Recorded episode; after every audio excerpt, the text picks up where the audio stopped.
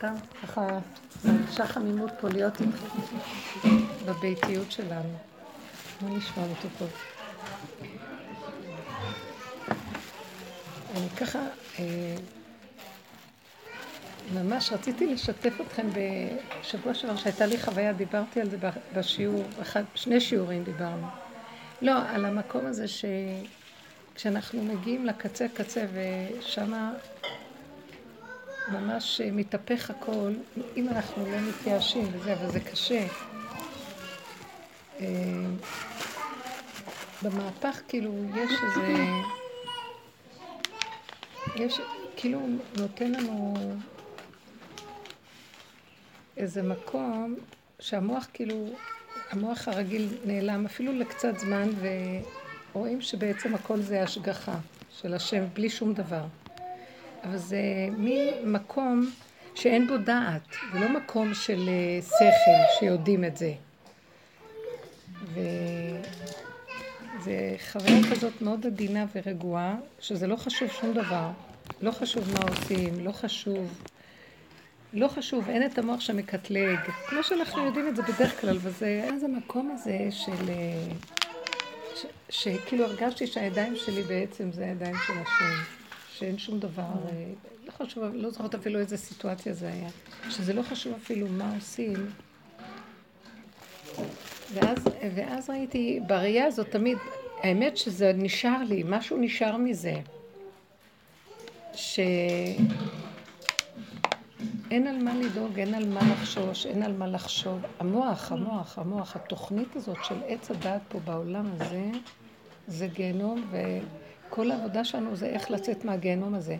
אני ראיתי ברגע ש, שזה היה לי, המעבר הזה, כאילו, כשאנחנו אומרים, אז שזה הכל אתה, שבכלל אין אני איזה דמיון של המחשבה, זה התוכנית של עץ הדת. וברגע שאנחנו אפילו מברכים, ברוך אתה, זה מה שתיקנו החכמים, כאילו אתה זה אני, ואז זה כאילו הוא מברך מהפה שלי את עצמו, כדי שהגוף שלי יהיה מדור ל- ל- אליו, שהוא יוכל לשכון בו. בכלל לא קשור אליי כלום. תראו את המעגל הזה? הוא מדבר מתוכי לעצמו, על מנת שהוא יכול. הוא מזמין את עצמו לשכון במציאות. שלנו. כאילו יורד על הטבע. הוא, הוא יורד על הטבע והוא והדבר, זה, זה אין בכלל כן. אני. ותראו מה אני עושה, גונב את זה ומרגיש שזה אני. בכלל הדור הזה מאוד מבולבל. זה לא היה, בדורות קודמים ידוע שיש להם את התפקיד של האני והם צריכים לעשות אותו, ואין להם הכנעה מסוימת לא להיות מבולבלים עם מחשבות כל כך. הם לא היו מבולבלים עם מחשבות. כל אחד ידע מה התפקיד שלו. נכון. כן, היו, היו בעיות, לא אומרת, היו התרגשויות וזה כאבים לאנשים, אבל זה לא כמו היום. היום יש בלבולים לא נורמליים במוח. הבני אדם כבר נטרפים מרוב בלבולים. זה מצב... מה, מה? אתמול חלמתי על משהו מעניין. נראה לי להתקשר למשהו שפעם סיפרת על הנחש או הקלטון או זה. איפה מירב? יצאו רגע החוצה, אני כבר מגיעות. קיצור, אני ירדתי במעלית, וזה הקו. כאילו, אני זוכרת שזה היה קטע של הקו. אני השארתי את הילדים מחוץ, ירדתי במעלית. ואז יצאתי לאיזה מקום, ואז פגשתי את יעל ועוד חברה, כמו צונאמי של מים ששוטף את הרחוב, כאילו. בעיגול. בעיגול, ואני אומרת לי, תקשיבי, או שאנחנו, או שנפחד, או שנלך על זה. אז אמרנו, טוב, נלך על זה. יפה. ואז זה לא היה מפחיד, אבל כאילו שתי שהמוח אמר לא, אבל איפה זה נפסק, ואז שזה נפסק אפשר לפעול. לא, לא. בלי לחשוב. אז זהו, אמרנו, הולכים על זה, ואז... כן. וזה היה עיגול. כאילו, זה היה ממש אחרי, זה היה קו ועיגול. הסערה, אז רגע, הקו זה, זה האור של השם, שהוא יש בו השתלשלות. מה לעשות? זה אותו אחת, כי כאן זה קשור למשהו. טוב, עכשיו אני צריכה להתמקד. דיברת על הקו העיגול. אני אומרת שהקו הוא הסדר של החשיבה, של דעת, שיש בו, הוא דעת עליונה. קו שורשו זה הזכר, דעת עליונה גבוהה. אבל כשהוא מתלבש בעץ הדעת, הוא הופך לזמן ומקום וסדר והשתלשלות ועילה ועלול וכן ולא וכל המהלך. העיגול הוא שווה מכל הזוויות, אין לו, אין לו זווית, נכון? וזה אור ההשתוות, שכולם שווים והכל שווה ואין שום בעיה. ברגע שהקו יורד לתוך עץ הדעת, אז הוא מתחיל לקבל את ה... זה וזה וכאן ושם, אחורה, קדימה, והוא מתבלבל. ואם הקו מתבלבל, עכשיו, והעיגול אין בו בלבול. יש בו סערה, שימו לב, אבל אין לו בלבול. זה מצב נתון קיים. אפשר לעמוד בזה אם, אם לא פותחים את הקו של ההשתלשלות עם הסדר והסיבה והמסובב. זה מהלך מאוד... עכשיו תראו, כל עולם התורה זה הקו. עולם התורה מתנגד מאוד לעיגול. הוא נגד העיגול. כל דבר חייב להיות מוגדר בזמן ומקום. מצוות עשה שהזמן גרמני, מצוות אה, כן ולא, טהור, טמא, מותר, אסור, כשר, פסול. הזמן גרמן, אתם לא מבינים. חכמים סידרו את הלוח מראשית הדורות. עד סוף, תראו, אלפיים שנה יש לנו את הלוחות שסידרו החכמים, יודעים כל דקה איפה ומה ומתי ייפול החג הזה, בזמן הזה, במקום הזה, אתם לא מבינים? סדר לא נורמלי. זה כנגד הקליפה שנפלה לתוך הקו, וחייבים ככה לגאול אותה. דומה בדומה מתקן. אתם מבינות? והיהדות לא השגיחה. מה זאת אומרת הקליפה שנפלה לתוך הקו? מה הכוונה? כי אמרתי לכם, הקו שורשו, תקשיבו, הקו זה העיגול. הכל זה עיגול. כי מה זה הקו? נקודה. הנקודה זה עיגול. זה התחיל מנקודה. עכשיו נקודה ועוד נקודה ועוד נקודה עושה קו. אבל קחו את הנקודה הראשונית, היא עיגול. נכון? אז הקו זה עיגול. ברגע שהוא יורד לתוך הקליפה של עץ הדת, ולכן הזכר קיבל את התיקון של עץ הדת, אז הוא מתחיל להתבלבל. לכן ניתנה התורה עם כללים וכלים של אפשרויות שונות, זמן, מקום, סדר. והעולם של היהדות לא הסכים בשום אופן למהלך של העיגול. הם קראו לעיגול תוהו ובוהו, וצריך להיזהר מעולם התוהו מאוד מאוד. בעולם של התורה אסור שוב. אפילו אנשים שיש להם רוח הקודש, מצד העיגול, שזה היו צדיקים נסתרים, שהם מגיעים מהאור של העיגול, לא יתקבל בעולם התורה, רק כשיש רוח הקודש מעולם הקו. תבינו מה אני מדברת? זה לא יתקבל, לא נחשבו הצדיקים האלה בעיניהם. אתם יכולות להבין מה אני מדברת? איפה מדברים על ה... אה? כמו הבעל שם טוב. כמו הבעל שם טוב, וכמו הסוג של החכמים שהם באו לא מהקו של הסדר וההשתלשלות. איפה מדברים על הנושא הזה של הקו העיגול? גם דוד המלך היה מהעיגול ולא הבינו אותו בדורו. איך? איפה מדברים, איפה כן מדברים בעולם של התורה על הנושא של הקו העיגול? כל הקו, ספר עץ חיים. רק בקבלה. בקבלה, הכל מסופר שם. אה, הספר עץ חיים, שתלמידו של הרב, אה, של הארי הקדוש, כתב מהשיעורים, והוא מושתת על תורת אה, רבי שמעון בר יוחאי, שמדבר על זה, אבל הוא לקח את זה בצורה אנליטית משוגעת. מי שפותח את עץ חיים וקורא איזה אין סוף פרטים, כן. שאפילו הזוהר הקדוש מלביש את זה במשלים של התורה. ואילו הם לקחו את זה בחקירה נוראית כזאת של... אבל הם בעצמם הם לא יודעים שהגאולה תגיע רק מהעיגול? היא לא יכולה להגיע מהקו? כן, אבל תקשיבי. העיגול, תקשיבו טוב, השם ייתן לי כוח, כי אני איבדתי את הריכוז מה, מכל הסיפור. העיגול הוא מלכות אור אין סוף, והוא גילוי אור אין סוף, שזה האור הגנוז. מאחר והאור הזה, זאת אומרת, העולם התקלקל על ידי החטא של אדם הראשון, אז העצה הייתה לרדת לתקן אותו על ידי הקו. צריך לתקן את הקלקול. מאחר והיה קלקול במהלך של הבריאה, לא בעולמות האצילות ומעלה, הבריאה, יצירה, עשייה, אז היה צריך להוריד תוכנית שתתקן. עולם התיקון נקרא עולם הקו. עולם של סדר, זמן, מקום, הילה ועלול, השתלשלות, של דרגות. בעולם של העיגול, אור אין סוף, אין מדרגות. אין מדרגות שם. אותה נקודה בכל מקום שווה. אין קו. עכשיו, כל התורה שייכת לקו, תורת משה. התורה, הלוחות הראשונים היה כלולה עם האור הגנוז, שיש בה את הקו, אבל העיגול. הכירו בעיגול, זה היה שלמות. אחר כך השתלשל הקו, והקו ירד לתקן את עולמות התור. הבנתם? שזה נקרא אומות העולם. לכן, עם ישראל, מקבלת התורה, מתקן בעצם את העולם על ידי לימוד התורה. אלמלא בריתי יומם ולילה, חוקות שמיים וארץ לא שמתי. אז עולם התורה מתקן. ולא סתם, אם היינו, האריזל כותב, אם היינו ראויים, לא היינו צריכים לצאת לגלות, לתקן. עצם הלימוד של התורה בארץ ישראל היה מעלה את כל הניצוצות של עולמות התוהו והיה מתקן. מאחר וחטאנו פה, אז היינו צריכים גם כן לרדת בתוך אומות העולם ממש, בתוך הסערה של האומות, אבל זה מה שהחזיק אותם התורה. לכן, בעולם של התורה לא משגיחים על העיגול בשום פנים ואופן. לקראת הסוף, מתחיל לרדת מהאור הגנוז שביבים, שזה עולם העיגול של מלכות אור אין סוף. והעולם הזה, איך הוא בעצם התלבש עם הקו? מתנגדים לו, אתם לא מבינים, אני לא הייתי יכולה לדבר את הדיבורים. פירקו לי את הצורה בהתחלה. עכשיו כולם מתחילים לדבר, אבל גם כן, עדיין כאילו מחזיקים. מחזיקים פה גשם. אה, זה מרעיש אותי משהו, זה גשם בבית. זה נשמע כאילו משהו מטפטף בבית. העולם, העולם של התיקון הוא מאוד, אה, הוא עולם, נשמות עולם התיקון זה נשמות מאוד מצומצמות, קטנות. אסור להן להיות רחבות בשום צורה. הן אה, יודעות לקבל עול. מוח קטן, לא מבולבל, שיודע את הכללים ועובד איתם. עולמות התור, נשמות, עולמות התור נשמות מאוד גדולות, מאוד מוארות, ואין להם מספיק כלים, כי אין להם תורה. זה עולם התורה, זה הכלים. אז הם עול, עולם שיש בו הרבה אור, אבל אין בו כלים, עולם ה...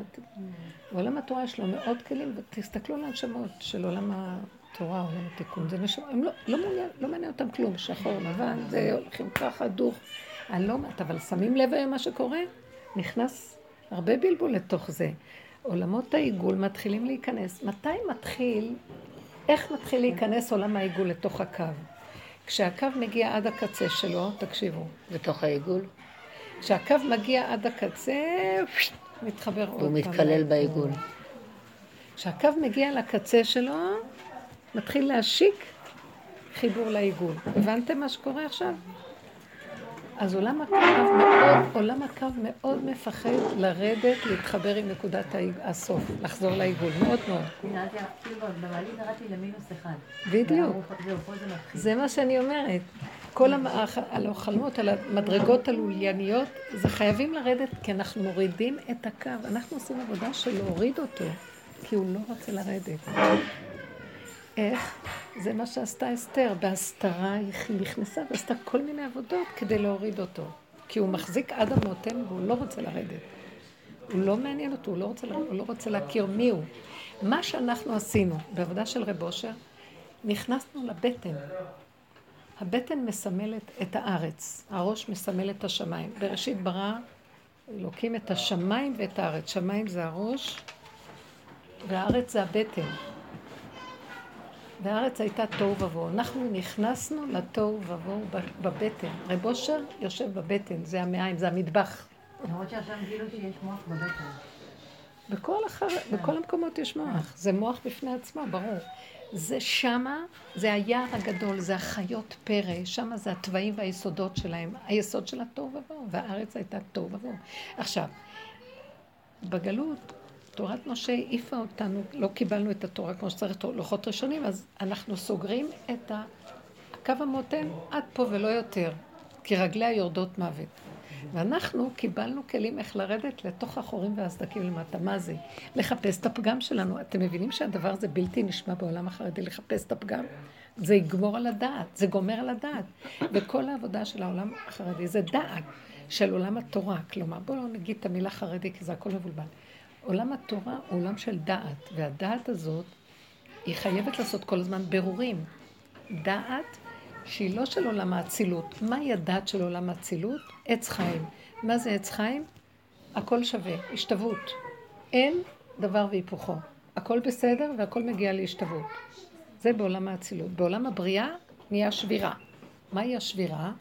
שיש כזה דבר ויש גם דבר הפוך לו. יש כן ויש לא. אז לכן יש צריך להיות טמא וגם חייב להיות טהור. עכשיו צריכים לטהר את הטמא. ולעתיד לבוא, עתיד החזיר להיטהר. יחזיר את המצב למקום הזה ש, שיש השתוות. עד דלא ידע בן ארור המן לברוך מרדכי. אבל אנחנו צריכים, עכשיו כל הדורות לא נתנו להגיע למצב הזה, כי באמת בצדק היה צריך לעשות את התיקון של עולמות השבירה והתור. לקראת הסוף מתחיל להשיק הקו הזה למטה, אבל איך? רק על ידי קבוצה שירדה לעבוד עם הפגם. רב אושר קיבל את התפקיד הזה. הבעל שם טוב זה היסוד של התפקיד, דוד המלך זה היסוד של הכל,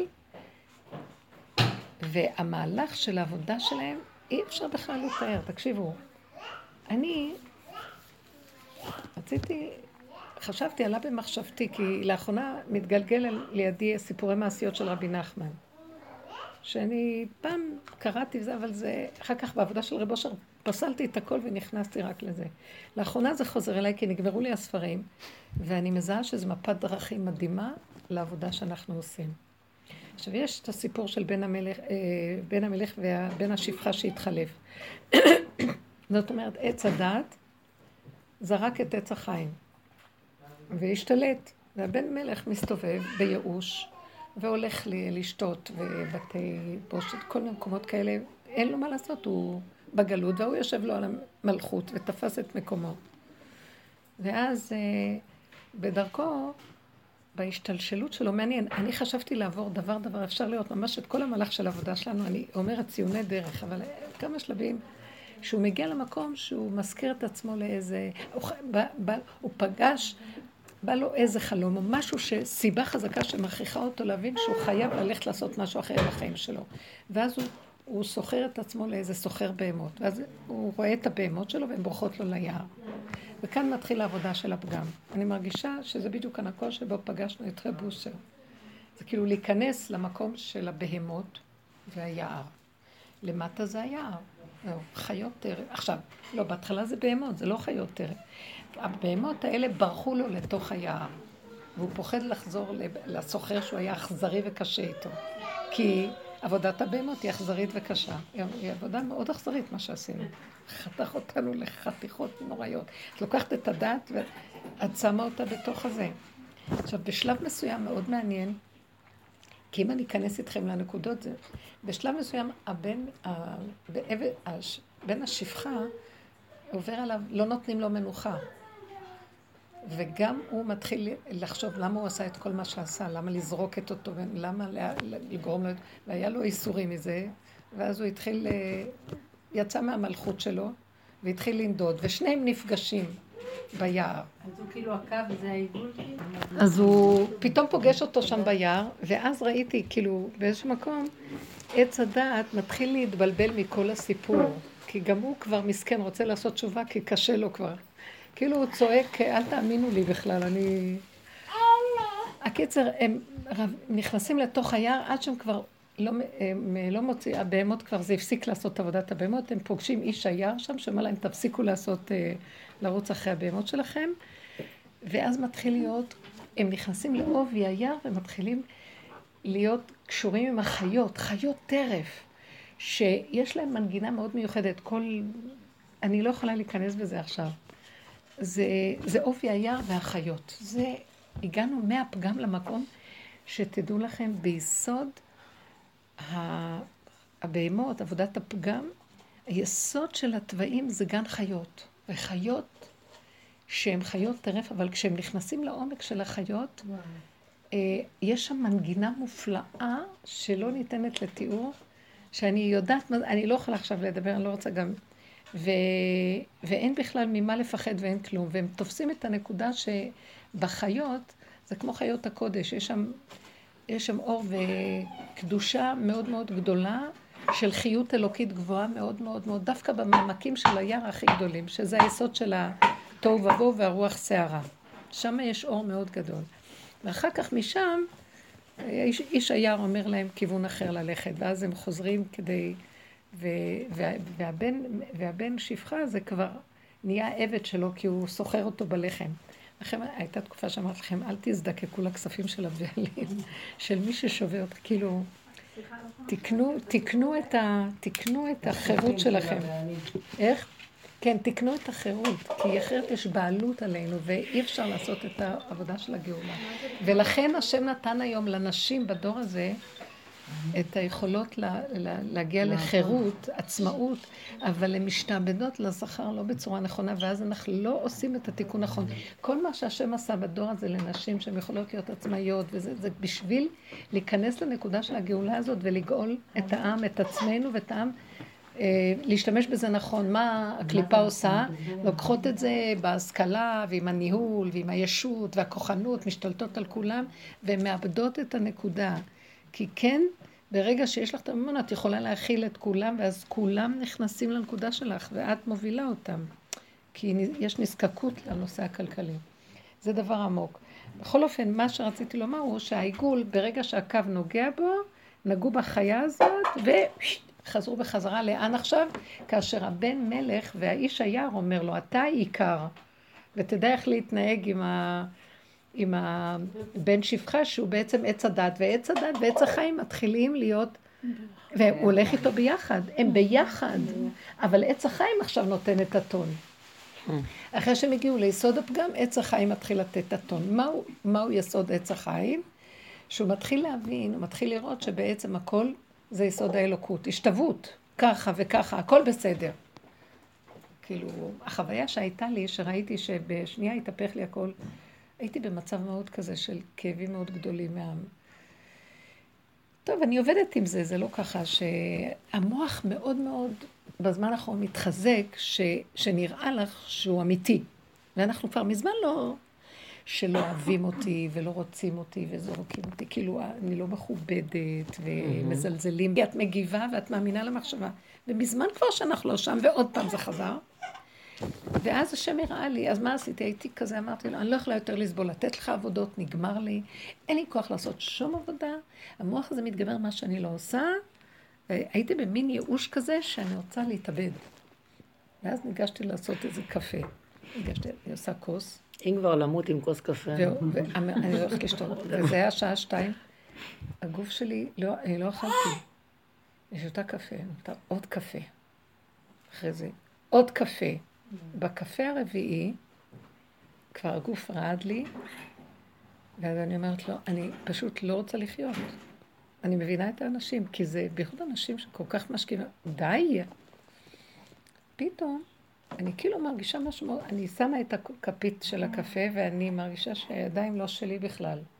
אני מסתכלת ככה, ואני, משהו במוח התהפך לי, וברור היה לי, זה לא חווייתי, שהידיים לא שלי, וזה לא אני פה כלום, והמוח הזה הוא דבילי ומטומטם, והשם אומר לי, תשתי קפה, אני אוהב אותך, איך שתשתי גם חמש, גם עשר כוסות, לא יקרה לך כלום, הכל בסדר גמור, וזה הכל אני ואין כאן את בכלל, זה הכל השם. כאילו הידיים באו לקראתי, וזה היה השם.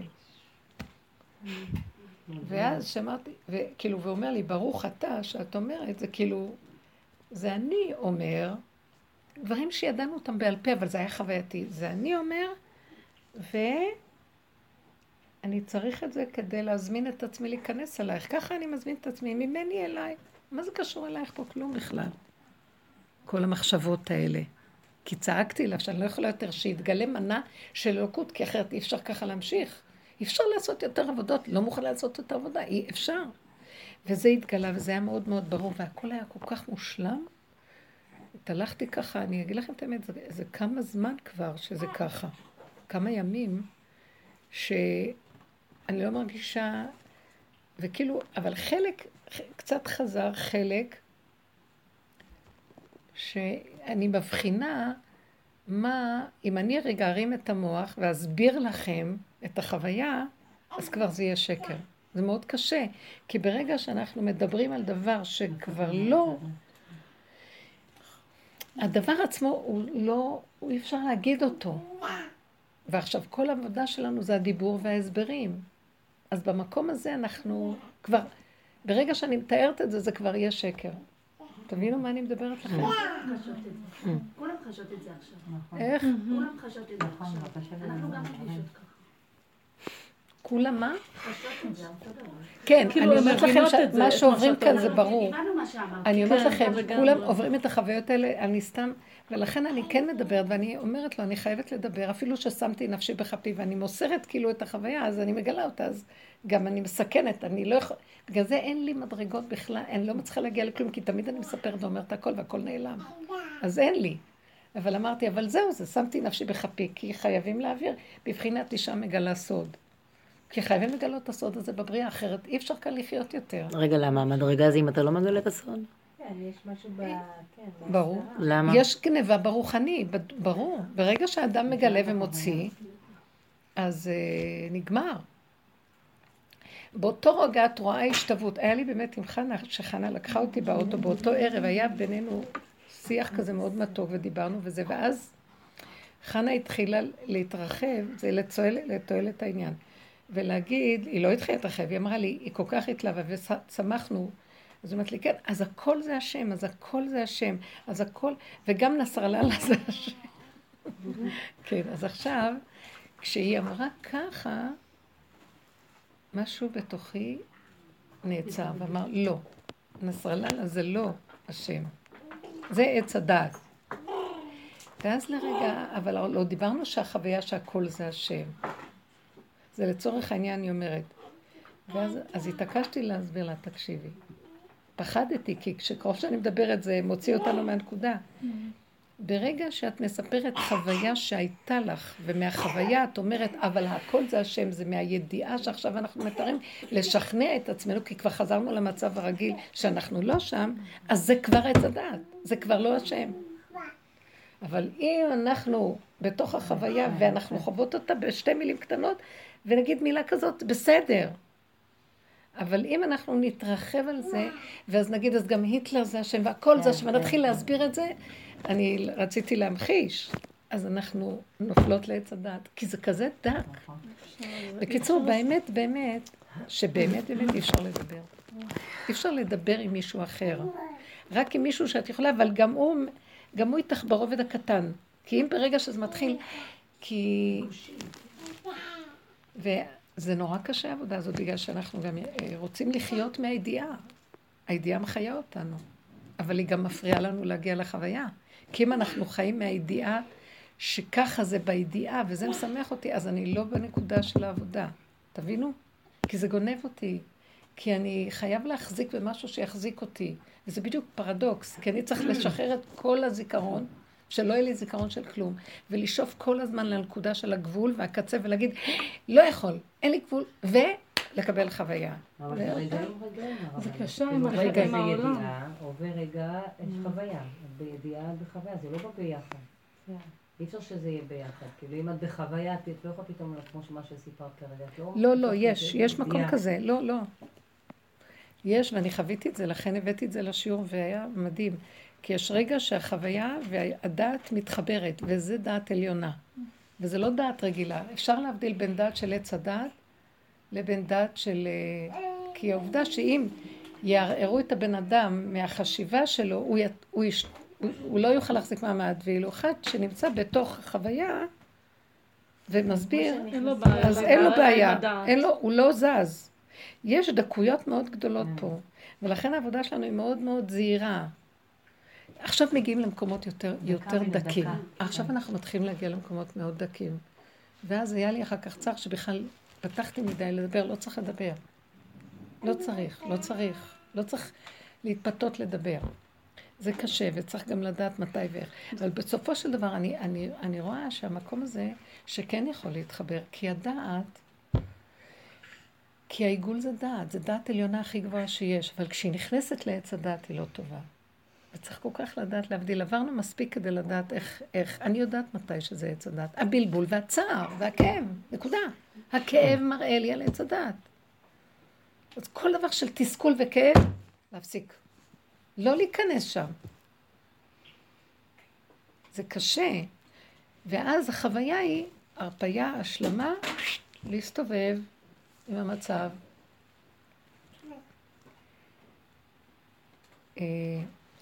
זה, אנחנו בתהליך של עץ הדת, הוא נכנס לעץ החיים. ועץ החיים עכשיו מתחיל להתגלות. זה מה שרציתי להגיד בסוף. עץ החיים מתחיל להתגלות.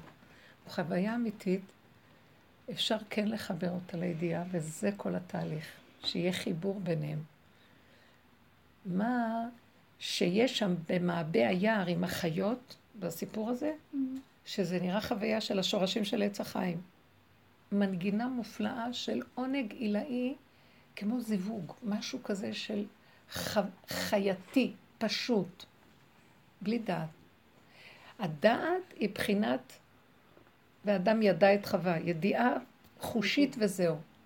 אבל אחר כך אומר לו האיש יער, טוב, ראיתם? שמעתם?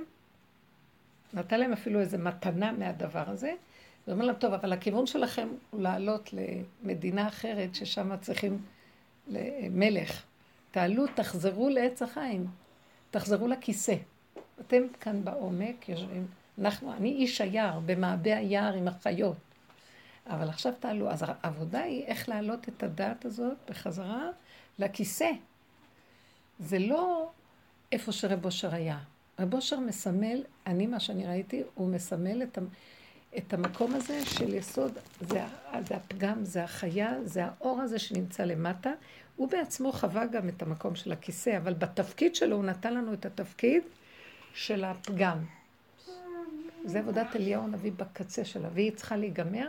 עכשיו אנחנו כולנו במסע להוציא את כל המקום הזה מלמטה, ולהעלות אותו לכיוון של הכיסא. להעלות את השושנה, יש שם, שתשב על הכיסא. יש שם חלק מהמקום הזה. אז זה המקום של ה... של ה... עכשיו, מה, מה? מה זה אומר להעלות אותו על הכיסא? כי השושנה זה הבחינת השכינה, שהיא החיה, היא האימא, אם כל חי, אם כל החיות האלה, והיא השורש של כל היער הזה, והאדמה, במעבה האדמה, בבטן. זה, זה הארץ היא האישה, היא הנקבה, שמיים זה הזכר. והיא בבטן, הבטן. עכשיו, איך זה, איך זה, הגאון אה, מחלק את זה לככה.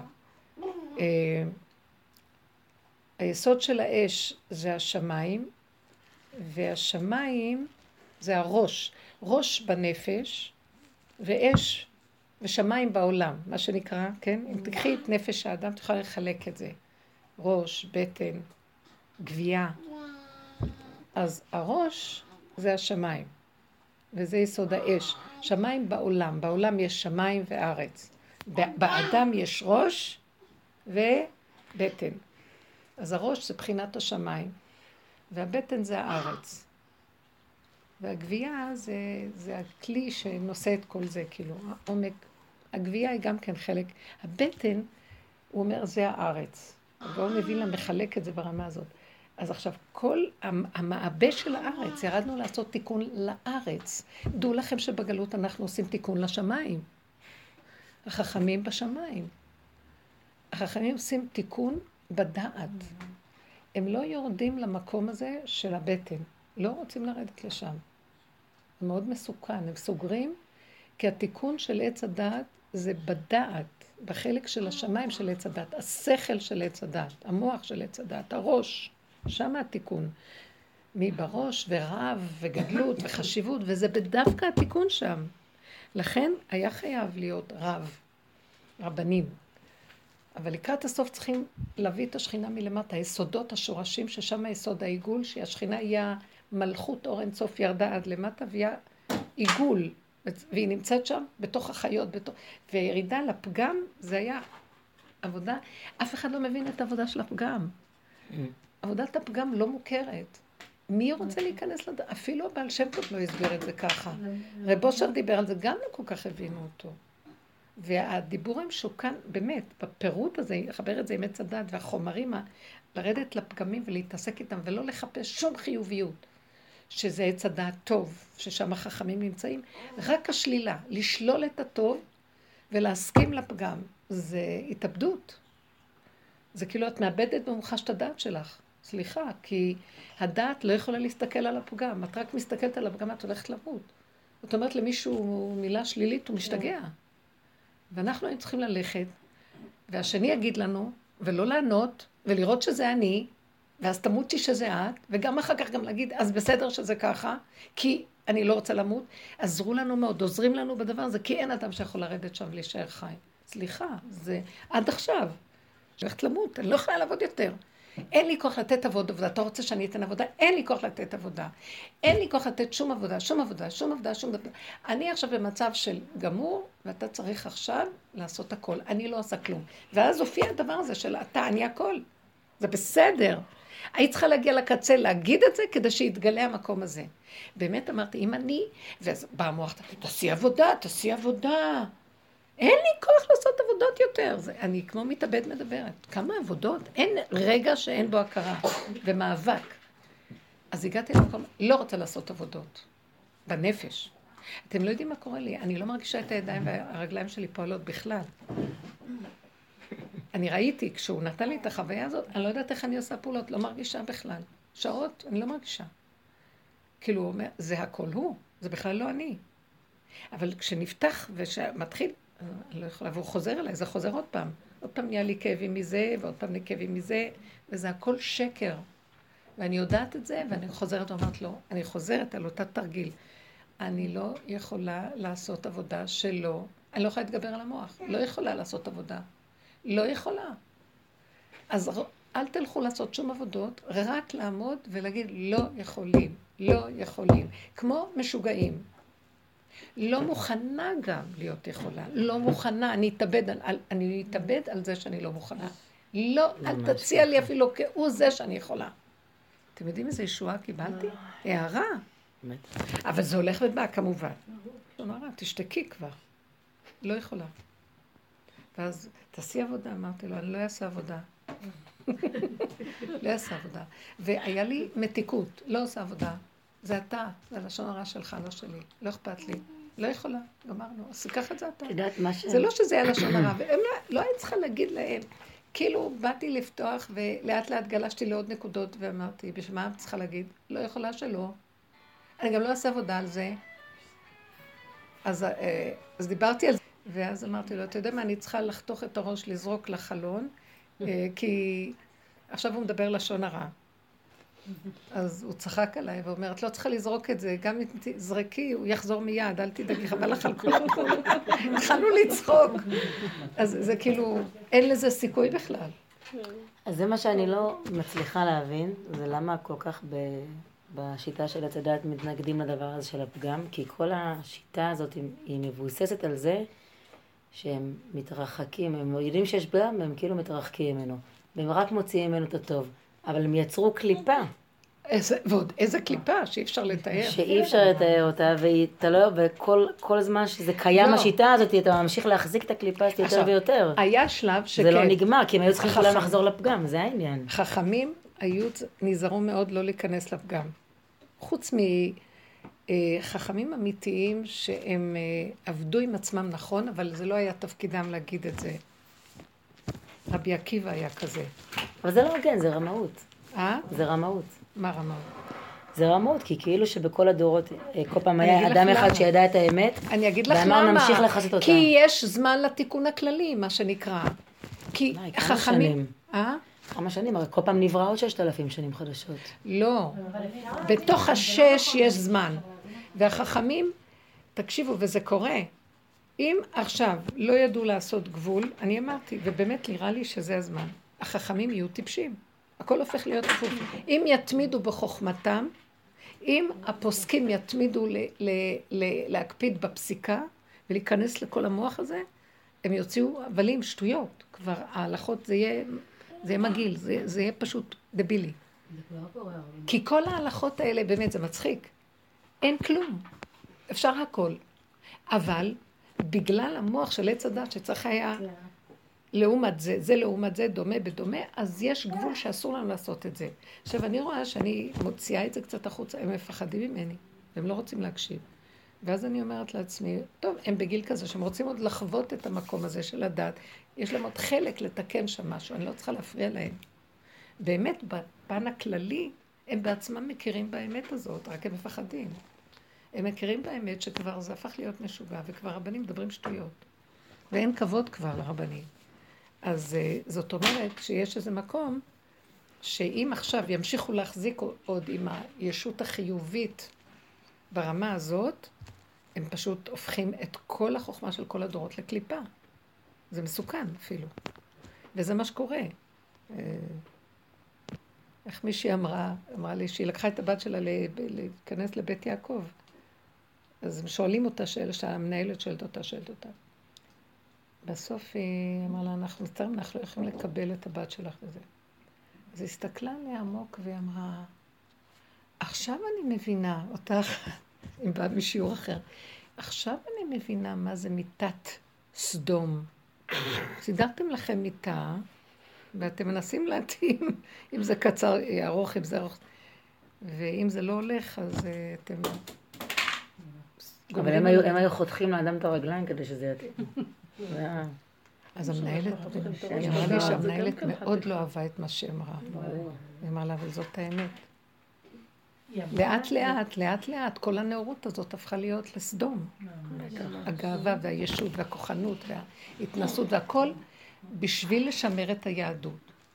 בסדר, אבל אה, זה, אני לא יודעת להגיד בסדר אפילו. לא, זה לא. ככה צריך לשמר את היהדות.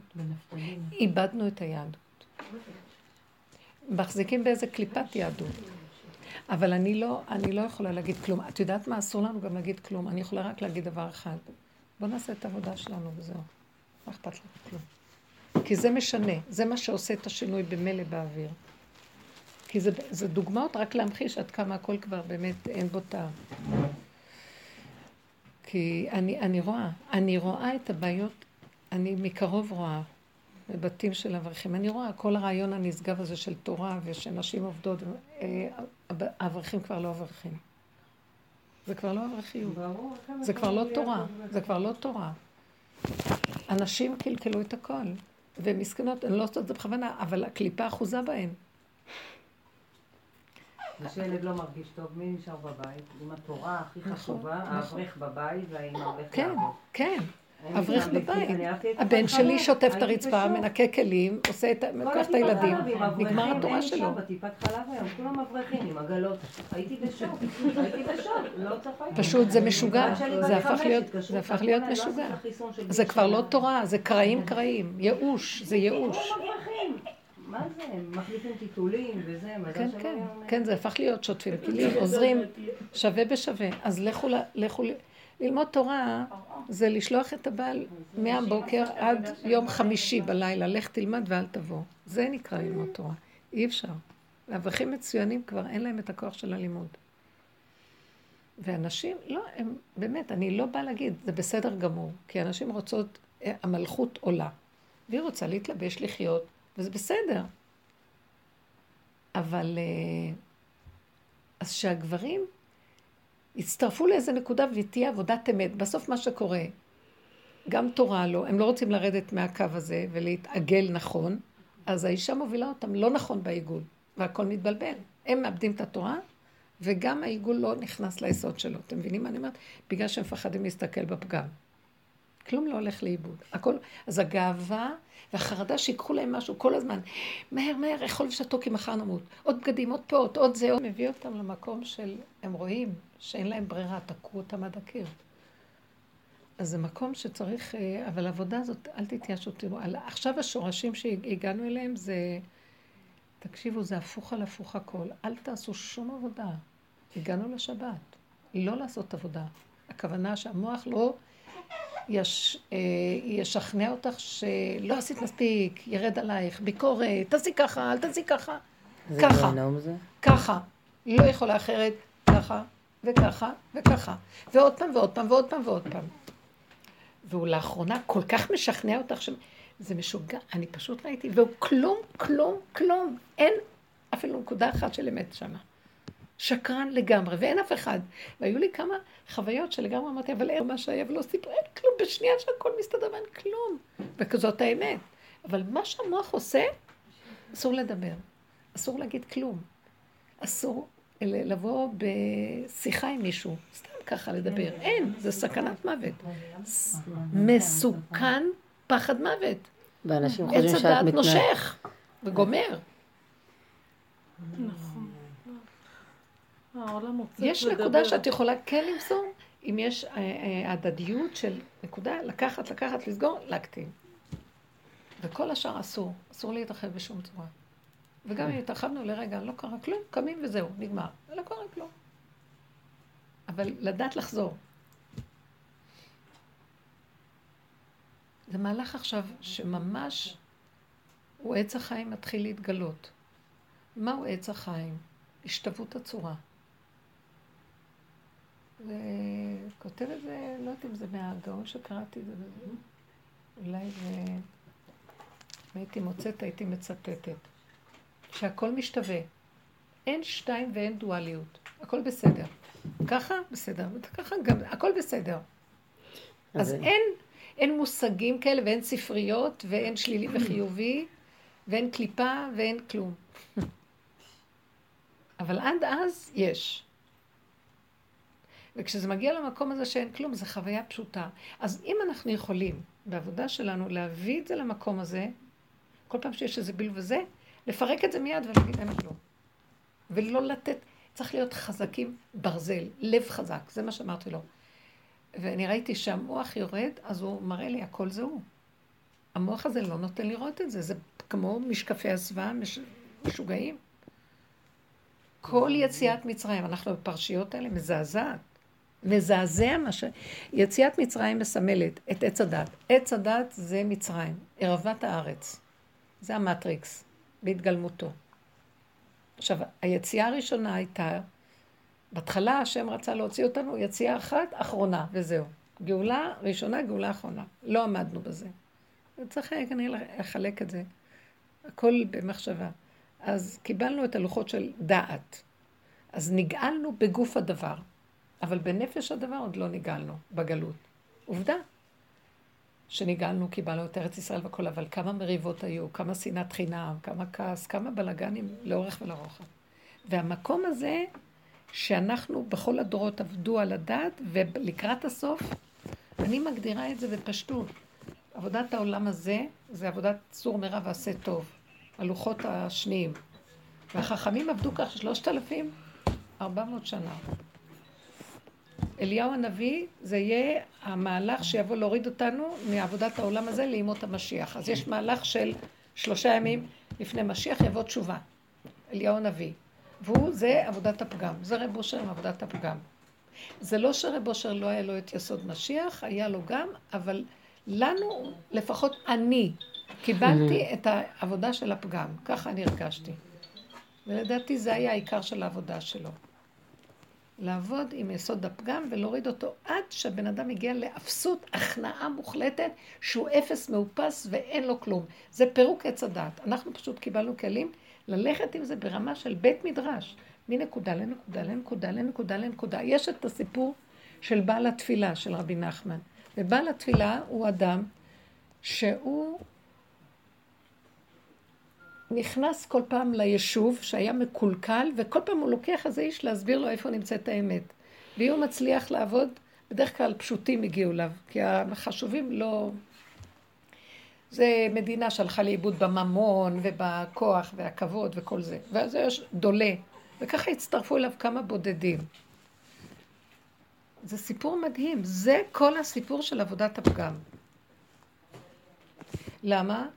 כי הוא שם מאוד כואב לו שאנשים ילכו לאיבוד בנושא של הכסף, של הממון.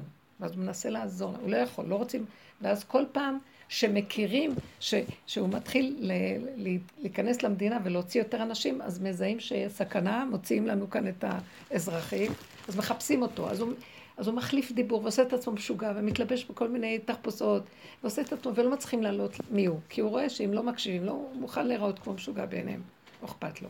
אבל את הבודדים שהוא עובד איתם, הוא נותן להם כיוון. זה בדיוק העבודה הזאת של האמת. ואחרי כמה זמן, אה, וככה אני רואה, ש... כל העבודה, שיש שם גם איזה גיבור שמגיע, ויש אה, כאלה שהלכו לאיבוד אה, בניאוף, מדינה של ניאוף שהלכה לאיבוד בניאוף, מדינה שהלכה לאיבוד, במה היא הלכה לאיבוד? כל מיני, בכוחנות ומלחמה, וכוח מלחמה, אחד בכבוד. אחד בממון, כל מיני מדינות כאלה. ואז מעניין שזה זה, זה כזה סיפור מעניין. אני מצאתי את עצמי בדיוק, קוראת את הסיפור הזה וקולטת שזה הבן אדם. מה היה מעניין בכל זה? כל המדינות שהלכו לאיבוד, זה הבן אדם בא לדבר איתם שיחזרו. כי מאותו פגם שלהם, משם, מעניין שמשם יוצא הישועה. כי בכל מדינה, למשל, היה מלך, וכל הזמן בסיפור הזה יש כל פעם, היו היה מלך, בתוך סיפור, בתוך סיפור, שהיו לו, ש, שבזמנו היה אור מאוד מאוד גדול, והיו לו חכמים ויועצים סביבו. היה חכם, והיה גיבור, והיה מליץ שידע לדבר מאוד יפה, והיה אה, האוהב, כל מיני חכמים שסביבו, לפי המידות כנראה, ואז יום אחד הייתה רוח סערה וכולם התפזרו. ועכשיו, איך הם התפזרו? זה עץ הדת. נכנסה סערה לעולם, התפזרו המידות, אז עכשיו יש מדינה של אנשים שהלכו לאיבוד בממון. זה אותו, אותו אחד שהיה אחראי על אוצרות המלך, הוא הלך לאיבוד בממון. זה, אבל אם אנחנו לא מחפשים עכשיו את זה שהלך לאיבוד בעיר אחרת, בתוך העיר הזאת הוא נמצא, בתוך, הוא המלך של אלה שהלכו לאיבוד. רק צריך להפך אותו. אה, הנואף, זה האוהב המלך, וכן כל מיני, בעל התפילה הוא המליץ. אה, היה לו כל מיני כאלה ש... אבל איך האיש יודע לזהות? זה כל כך נפלא, פתאום קלטתי שזה כל עבודת הפגם, מה שהוא עושה. הסיפור בתוך סיפור בתוך סיפור, זה מה שאנחנו עבדנו, איך לגלות את הפגמים. אתם לא זוכרים איך ישבנו עליהם שנים? איזה עבודה עשינו לגלות את הפגם? כאילו, לקחנו פגם וניתחנו את זה לנתחים, ותפסנו, זה הנקודה הזאת, זה הטבע הזה. זה היסוד של המידה הזאת, איך זה נראה ככה ומתוך זה דווקא יוצא הישועה. זה, הסיפורים האלה פשוט, אני אומרת לכם, זה באמת... אה, כי אם אדם בעצם מגלה את הפגם שלו, אז הוא צריך כל שנייה במקום הזה לצעוק לקדוש ברוך הוא שיציל כן. אותו. ואז הוא מחובר כל רגע לקדוש ברוך הוא. נכון. זה בעצם מה שאנחנו... בדיוק, זה מה שאנחנו... כן. זה עבודה שכל הזמן עשינו. תפסנו את הנקודה וצעקנו, לתפוס ולצעוק, לתפוס ולצעוק. ולא להאשים את השני, כי אף אחד לא רוצה לראות שזה הפגם שלו. אז הוא עונה, כי אדם לא רואה את עצמו, הוא צריך את השני שיראה לו, אבל כשהשני מראה לך, את לא רוצה לקבל. כועסת עליו. אז את יכול, זה לשתוק, לקבל, להכיל ולעלות, זה קשה מאוד. עד היום אני רואה שמאוד קשה לי. ואז אני כבר צוחקת על עצמי, כי אין לזה גבול. אבל מה שיופי בתוך כל הסיפור הזה של בעל התפילה, שכל הפגמים זה, זה עץ החיים. כל עץ הדת הוא עץ החיים. רק צריך לעשות את הנקודה של העבודה. זה, זה, זה השני הוא רק המקל והמראה, איפוק, הכלה, לא להישבר, להכיל, להסכים, להפסיק לבקר ולהיכנע, הכנעה ולהודות באמת, ככה זה וזהו זה. ופשוט מתאפק. אבל זה מאוד קל שזה נשמע, אני ראיתי, אני לא, כשהגעתי, אתם יודעים איפה הייתה הכנעה? שאני לא יכולה להיכנע, שאני לא יכולה לעשות משהו אחר. חוץ ממה שאיך שזה. תכילי, אני לא יכולה להכיל. תמיד, כדי להגיע לתוצאה החיובית, את צריכה לדעת שאת לא יכולה. ואז, כשמגיעה לתוצאה, זה השם, זה לא את. כי אי אפשר להגיע לתוצאה. זה הפך מעץ הדעת, שהוא אומר, אה, הבנתי, והוא רץ לעשות. אז מה אם הבנת? אתה לא יכול. הוא חושב שאם הוא הבין, אז הוא כבר יכול. אז הוא הבין, בהבנה הוא מבין שהוא צריך עזרה, אבל בעשייה הוא רץ לעשות. גם מעשייה אני לא יכול. עכשיו העבודה שלנו, טיפת עשייה שאני מתנדבת, כאילו, כאשר אני מוציאה את המסקנה, אה, זה בגלל זה, זה, זה, אבל אני לא יכולה. תישארו בחוזק הזה שלא יכול. לא יכולים שזה יסתדר. וזה בסדר גמור, וככה זה, ורק ככה הוא מתגלה, זה התנאי שהוא מתגלה. לגמרי. אין משהו אחר, בכל מקרה אנחנו כבר מותשים לגמרי. איזה תשישות יש לי. אני לא מסוגלת לחשוב ש... התסכול שהיה לי, אני אתאבד. אתה עוד רוצה, מאיפה שאני יכולה לסדר את כל זה, ואני לא יכולה, והמוח אומר לי, כן, ואני בתסכול שאני לא יכולה, אז אני אומרת, אז אני אתאבד, כי כבר אין לי כוח גם להתפלל שתעזור לי. וגם אני לא, לא צריכה... את צודקת, נהייתה הרבה יותר רגישות. הרגישות היא נוראית. הגבוליות נוראית, הרגישות באה מהגבוליות. והגבוליות היא דורשת שתיכני וגם את לא יכולה. ואת צריכה למסור לו שאת לא יכולה, ואז תהרוג אותי כבר, כי אין שום מוצא אחר. גם למות הוא לא יהרוג אותה. אז מה הוא רוצה להגיד לך? שבתוך הנקודה של הלא יכול, שם אני נמצא. את לא אמורה להיות יכול כלום. אם אדם הראשון היה מודה בחטא הזה, לא היה כל הששת אלפים שנה הזה. הוא אמר, לא יכולתי שלא לאכול. תראו מה אנחנו... אז לקראת הסוף חייבים למצוא את זה סוף סוף. אנחנו כאילו עכשיו, אנחנו עכשיו, אתם יודעים איפה אנחנו עכשיו? איפה שהיה האדם הראשון? ברגע שהוא אכל מהעץ. זה השלב שלנו עכשיו. נגיד, לא יכול, לא יכולתי, לא יכולתי. אל תנסו להיות יכול. אנחנו עשינו רוורס.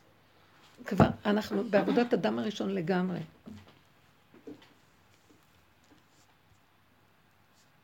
כן. רב אושר נתן לי פעם דיבור על ה... שהעבודה של... שאני עושה זה עבודת אדם הראשון, תיקון של האדם. בצורה חזקה, כן. מזמן, מזמן. אמר לי, תקראי פרק קל"ט. נכון. שזה של האדם הראשון. בעל פה. תלמדי אותו טוב, זה עבודת האדם הראשון. זה בדיוק להגיע לנקודה הזאת ולהגיד, עכשיו אנחנו ערב שבס, אין לי אה. כוח לעשות כלום. כנסי לשם, לא יכולה, לא יכולה. אז השם אומר, או, זה מה שרציתי לשמוע. אז אם לא עשית את זה בהתחלה, לפני הששת אלפים, תעשו את זה בסוף. מה זה חשוב מתי? כך שתעשו את זה כבר, די. אז איפה החיבור לקו שאמרת? הנה, זה החיבור. כי ברגע שאני אומר לא, כי הקו רוצה להיות יכול. אני רוצה להיות, אני לא יכולה להכיל, המוח שלי משגע אותי, והמוח נותן לי תחושה, למה הוא אמר לך ככה? זה לא היה צריך להיות ככה? ככה מתנהג ילד? מה עשית בשבילו? זה מה שמגיע לך? איזה מין חיים אלה כבר פה? אני פראיירת שלהם? כל הזמן אני רק שאת נותנת לכולם, מה מגיע לי? שמעת? אז עכשיו, אחרי שיש לך כזה מוח, אני אראה להם מה זה. ואני, התרנגול מעוך, הנוצות מרוטות, עצמות שבורות, אפילו קוקוריקו לא יודע להגיד כבר. מאיפה שאני אתחיל לעשות משהו? אז מה אתה בא לקשקש לי? הר של שיגעון. ואז אמרתי לו, אני מתה, אני לא יכולה לעשות כלום.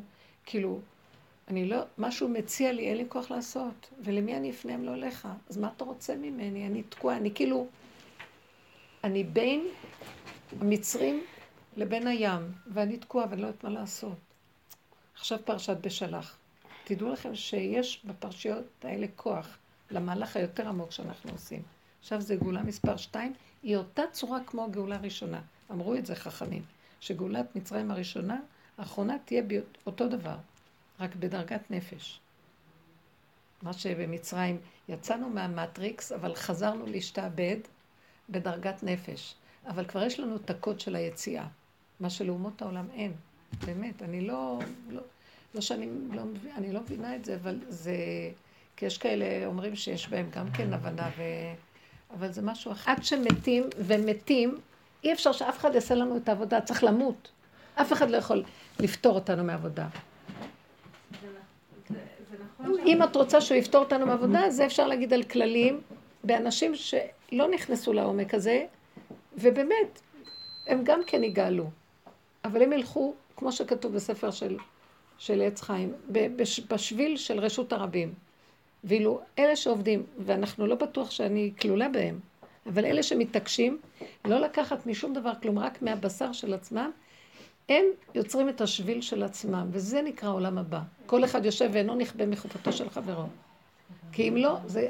אז אין מישהו שיכול, אין מישהו שיכול להגיד, אמר רבי שמעון, אני יכול לפתור את העולם מן הדין, אבל הוא לא פותר אותו מן הדין. אבל הוא לא פותר? לא. כי תכלית הבריאה נבראה שתהיה הבחירה, וכל אחד יסדר את זה לעצמו. הוא יכול לעשות את זה. אבל יש את העבודה של הצדיק על הכלל. לא, הצדיק יכול לעזור לכלל אם הכלל הולך בדרכיו. כן. אבל לא שהם ישבו וכל אחד יושב ונעשה... לא. מה זאת אומרת שהוא פעל שלא צריך שזה יהיה בנפש? כל העבודה הזאת היא נפש, כולה.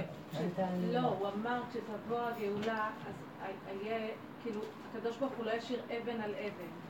ולא לא. תישאר אבן על אבן, בגלל, בגלל, כאילו, כשתגיע הגאולה, אז יהיה כזה חורבן שלא יישאר אבן על אבן. אז הוא, שהוא פעל שזה לא יקרה. מה פתאום? אני לא יודעת, תגידי. להפך, הוא חיזק את זה. רגע, אני רוצה לשאול שאלה. לא, אבל הוא חיזק בדיוק את ההפך. מה זה קשור, מה שהוא פעל? זה לא, לא אכפת לי גם מה שהקדוש ברוך הוא יעשה, אכפת לי מה אני עושה. לא אכפת לי מה הוא פעל. זה עניינו שלו פרטי שהוא פעל. והוא קיבל רשות מזה, ואני לא נכנסת לסיפורים. זה סיפורים רוחניים, זה סיפורים יפים. אנחנו כאן צריכים לקחת את הטוריה, את המעדר, את החרב ולעבוד. ואז אנחנו יודעים מה אנחנו אומרים. כי אי אפשר לי לדבר על מישהו שאמר משהו, כל הדיבורים האלה נגמרו פה. באמת, אני לא יכולה, רק אם זה תומך במה שעבדנו ויש לנו, אז בסדר. דבר שאגיד, מישהו עשה לנו כבר את העבודה וזה גמרנו. אני לא יכולה לסבול את זה. לא, אני לא מתכוונת. לא, לא, אני מבינה מה את אומרת. אנחנו חיים כל רגע, והוא אמר שהעבודה של האדם לא תיגמר עד תקשיבי, אל ת... אז אני אומרת לך, לא צריך אפילו להגיד מה מישהו אחר עשה. צריך מה אני צריך לעשות. מבינה מה אני מתכוונת? זה סגנון אחר של דיבור. זה סגנון של לספר, זה סיפורי צדיקים. זה מאוד יפה. אבל האמת היא לא זה. האמת שכל אחד צריך על בשרו לחוות במדרגות הדקות עד שהוא נשחט ומת ורואה שהוא לא יכול כלום. אז יורד עליו אור אלוקי, והאור האלוקי הזה, זה המנה שלו. מה הוא עושה עם זה? אני אגיד לכם את האמת, גם זה לא כל כך פשוט להגיד את זה. כי רק לאנשים שקרובים אליו מאוד מאוד, שעבדו איתו, והם נחתכו איתו לחתיכות, וכשהוא מדבר איתם, אז זה אמת בבשרם. לא שזה מין ידע כזה באוויר. כי זה גורם, זה גורם ל... זה ישר מזהים את השקר. את מבינה? קשה לזה. כי בסדר, אפשר לצטט. אני לא יכולה לקרוא הרבה פעמים, שרק יצא הספר הזה של רב אושר, לא יכולתי להחזיק אותו ביד. פעם פגשתי את חיילה, אמרה לי, ראתה אותי, והיא אמרה לי, אני לא יכולה להחזיק, היא בעצמה חזרה ואמרה, אני לא יכולה להחזיק את הספר הזה ביד. מוריד את הערך כי זה מוריד, זה בדיוק מה שהיא אמרה, זה מוריד, זה לא זה. הערך שלו. בסדר, אנשים נהנים והם יכולים גם לקבל נקודות אור מזה.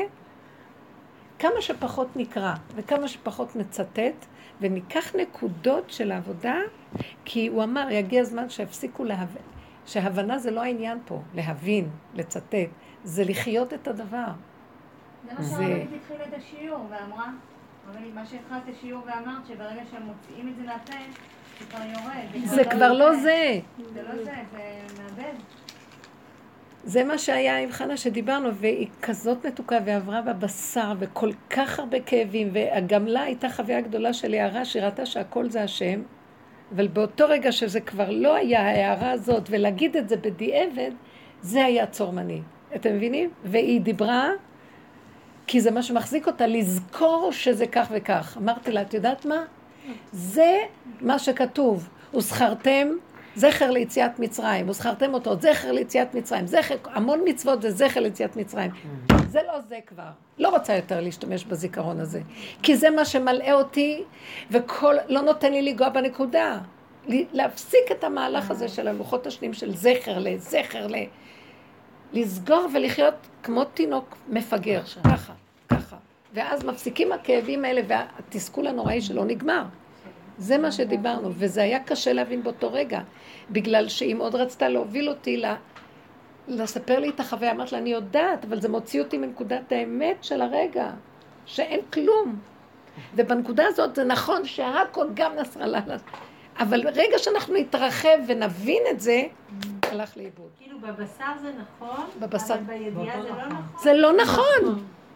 בידיעה זה לא, עכשיו שאת מספרת את זה, בדיוק עשה לי את התותחים שעבדנו. הנקודות הסופיות שמגיעים לכאן, תדעו לכם, זה ממש לוח הבקרה הכי צפוף. כבר אין על מה לעבוד, אסור לעבוד. אסור לעבוד. שמתם לב לדקות שעכשיו הסברתי בנושא הזה? שכשאנחנו בחוויה, זה... ותדעו לכם שיכולים להיות בחוויה, המוח לא נותן לנו.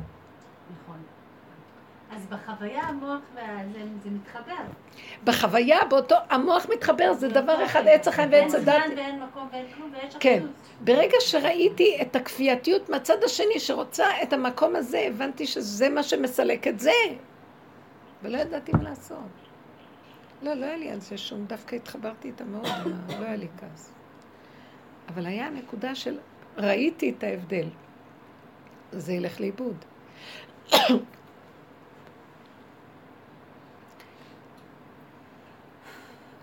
עכשיו זה הזמן הזה, שבאה החוויה ובקטנות. מתחברים הדברים ובקטן. ולא להרבות ולא כלום. נקודות קטנות ועובדים איתם. המוח משוגע. המוח רמאי, המוח הזה גמר על העולם, העולם משוגע, אנשים משוגעים, ולא יודעים את זה. לא מבינים, אני אומרת לכם, מזעזע. הלכו לאיבוד הכל, אני מסתכלת, ואלי, אני, אין לי מה לעשות, אני מבקשת מהשם רחמים. קודם כל שאני לא אלך לאיבוד עם זה, ודבר שני, יש לי רחמים על העולם. יש משהו בתוך הלב בוכה, שזה בית משוגעים. אנשים בטירוף, הם לא יודעים אפילו החנויות האלה, והקניות, והזה, והנשים, ודיבורים, ו... וזה אוכל את הבני אדם, ואין בזה שמץ של אמת. גם אם יש בזה איזה משהו, זה כבר הגיע לדרגה שהכדור שלג הזה מתגלגל, מתגלגל, שהוא איבד את נקודת האמת שיש בו, שכבר את אומרת, אפילו yeah. כן. נקודת אמת אחת את לא יכולה לראות. זה נורא מסוכן. זה מאוד מסוכן. העבודה שלנו עכשיו מאוד בצמצום, בקטן, ולשחרר את המוח כל הזמן. לשחרר את התפיסה שלו. מישהו מרגיז אותי, לשחרר. לשחרר. לשחרר. הוא לא קיים, אין כלום. ואם אני אתעקש איתו, אני הלכתי לאיבוד. הוא יהרוג אותי, הוא מסוכן. רוצה לתת דוגמאות קטנות. תיתנו קצת דוגמאות. הרבנית, יש לי בעיה. אה, כן. לא, אני, מה שאמרת עכשיו מאוד, אה, הוריד לי את הדברים להבנה, אבל הבעיה שלי שאני תקועה בהבנה. לא, לא, לא, אל תביני. אם את אומרת שיש לך בעיה, אז זה לא זה. יש לי כל... כי זה עץ הדת אומר, יש לי בעיה, קשה לי. אני יודעת, לא, יש לי, כאילו אני קרובה לנקודה הזאת, מרגישה שאני חסומה. כאילו, יש לי, כל, כל פעם שיש לי מצוקות, אני אומרת כאילו די, אני לא יכולה, אני רוצה למות, ואז אני מגיעה לקטע שאני מזכירה לעצמי, רגע, אבל הכל זה השם והכל כלום, וזה כאילו תחילת החוויה, ואז המוח גונב את זה, והמוח נכון. אומר, כן, הכל השם, וזה נעלם. זה בדיוק מה שקרה פה, כן, בדרגות כאילו יותר חזקות. אבל כאילו אני לא מצליחה לעבור את הקו הזה, ואז זה חוזר כן. עוד פעם. נכון, נכון, הוא גנב ארור שכזה, מזעזע, גמר עלינו. הוא אכזרי. ואז אמרתי, אני לא מוכנה למחול לו. זה הנסרללה. אני מתעקשת שהוא עץ הדת. בשלב הזה. הוא כל כך רשע. בזמן הזה של הכאבים, אחר כך את אומרת שמתגלה הכל, שהכל זה הוא בחוויה, אין בכלל כעס על כלום, בכלל אין כלום. אז מה לעשות? המוח משתלט על סף החוויה, וכאילו, וזהו, ונגמרת החוויה. נכון. וחוזר חלילה. בוא, בוא, בוא, זה מאוד טוב הדוגמה שלך, אנחנו נמצאים שם. בוא ננסה אה, סתם להסתכל, תפת... כן. אני כבר מנסה להגיע לשיעור הרבה זמן, כל פעם היה איזשהו משהו אחר. עכשיו, אה, היום הגעתי כי דחפו אותי הכאבים. אמרתי לו, תשמעי, את לא רוצה לבוא איתי? אני לא יודעת איפה זה נמצא, אני הולכת לבד. זהו. אז היא אומרת לי ככה, אמרת, טוב, אז אני באה איתך, את לא הולכת לבד. בסוף, ברוך השם הגענו. אבל היה לי איזשהו קטע בסעודה שלישית, הכנתי את סעודה שלישית, הכל אה, זה. בא לי, קם משנה, מתיישב בשולחן עם קפה ועוגה. אה, טוב, אני עשיתי סעודה שלישית, הוא יוצא. אני אומרת, רגע, מה הולך פה? הכנתי סעודה שלישית, כאילו, כל הילדים יושבים וזה, הוא הכין לו קפה ועוגה, הוא יוצא. ופתאום התחילו לי כל מיני להתברחש בפנים. מה, ואני לא אקום ואני אצא באמצע ואני אגיד לבעלי, אני שותה קפה והוא גם אני אצא, כאילו אני לא אעשה סעודה שלישית, אצלנו עושים סעודה שלישית ביחד. ועכשיו פתאום נהיו לי כאלה כאבים מזה, כאילו, כן. מה, ואני יודעת שאם אני הולכת, אני כבר עברתי כל מיני זה, אני הולכת להוציא פה מילה, אני יודעת בדיוק לאיפה זה יגיע. כן. אבל עכשיו, דרך השיעור, השם שלח לי איזו הבנה, שבעצם השם הראה לי את הפגם שלי. נכון. מה אני מחפשת? אני מחפשת שלטון, אני מחפשת שליטה, אני כן. מחפשת כבוד, כאילו, מה אני מחפשת פה? מה קרה? הוא קם, הוא יצא, שתה קפה והוא מה זה קשור אליי? כן. יפה. לא משנה שאני יוצאתי איזה משפט לפני ש... לא, לא, בסדר. אבל אני, אני יודעת, כאילו, מכל החוויות שעברתי, ברוך השם, השם רוצה פשוט להביא אותי למציאות של להכיר בו. באותו רגע לשטוף, לשטוף, כן. לסגור את הראש ולהמשיך הלאה. כאילו,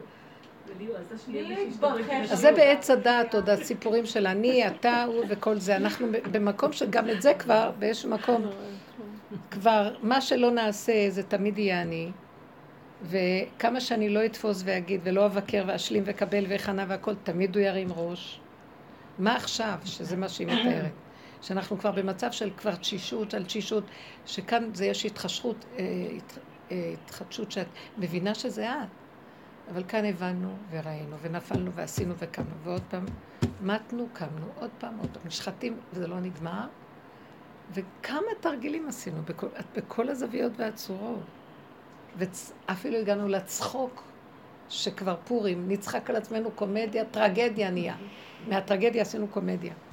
ועם כל זה, הוא חוזר ומתגבר למוח.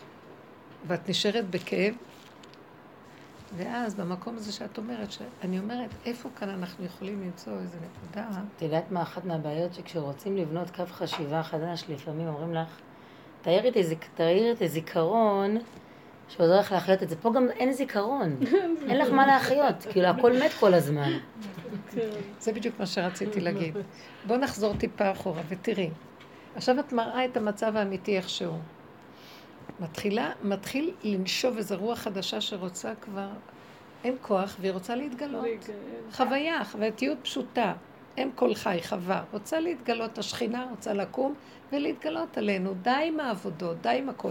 בא השד הזה, וגונב.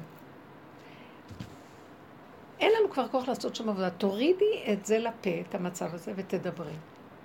תגיעי לתסכול שתחווי מה שאני יכולה להעביר עם החוויה שהייתה לי. אין לי כוח לעשות שום עבודה, אין לי עצה, אין לי זיכרון, אין לי תושייה, אין לי יכולת, אין לי... כאן עוד את מבינה ואת רואה איפה את צריכה לעשות עבודה. פה, מה לא נגיד? אין כבר מאיפה לקחת כלום וזה חוזר. זאת אומרת, למה הוא ממשיך להחזיר? כי הוא רוצה עוד נקודה לגאול, ועוד נקודה, ככה הוא מושך אותנו למעבה היער.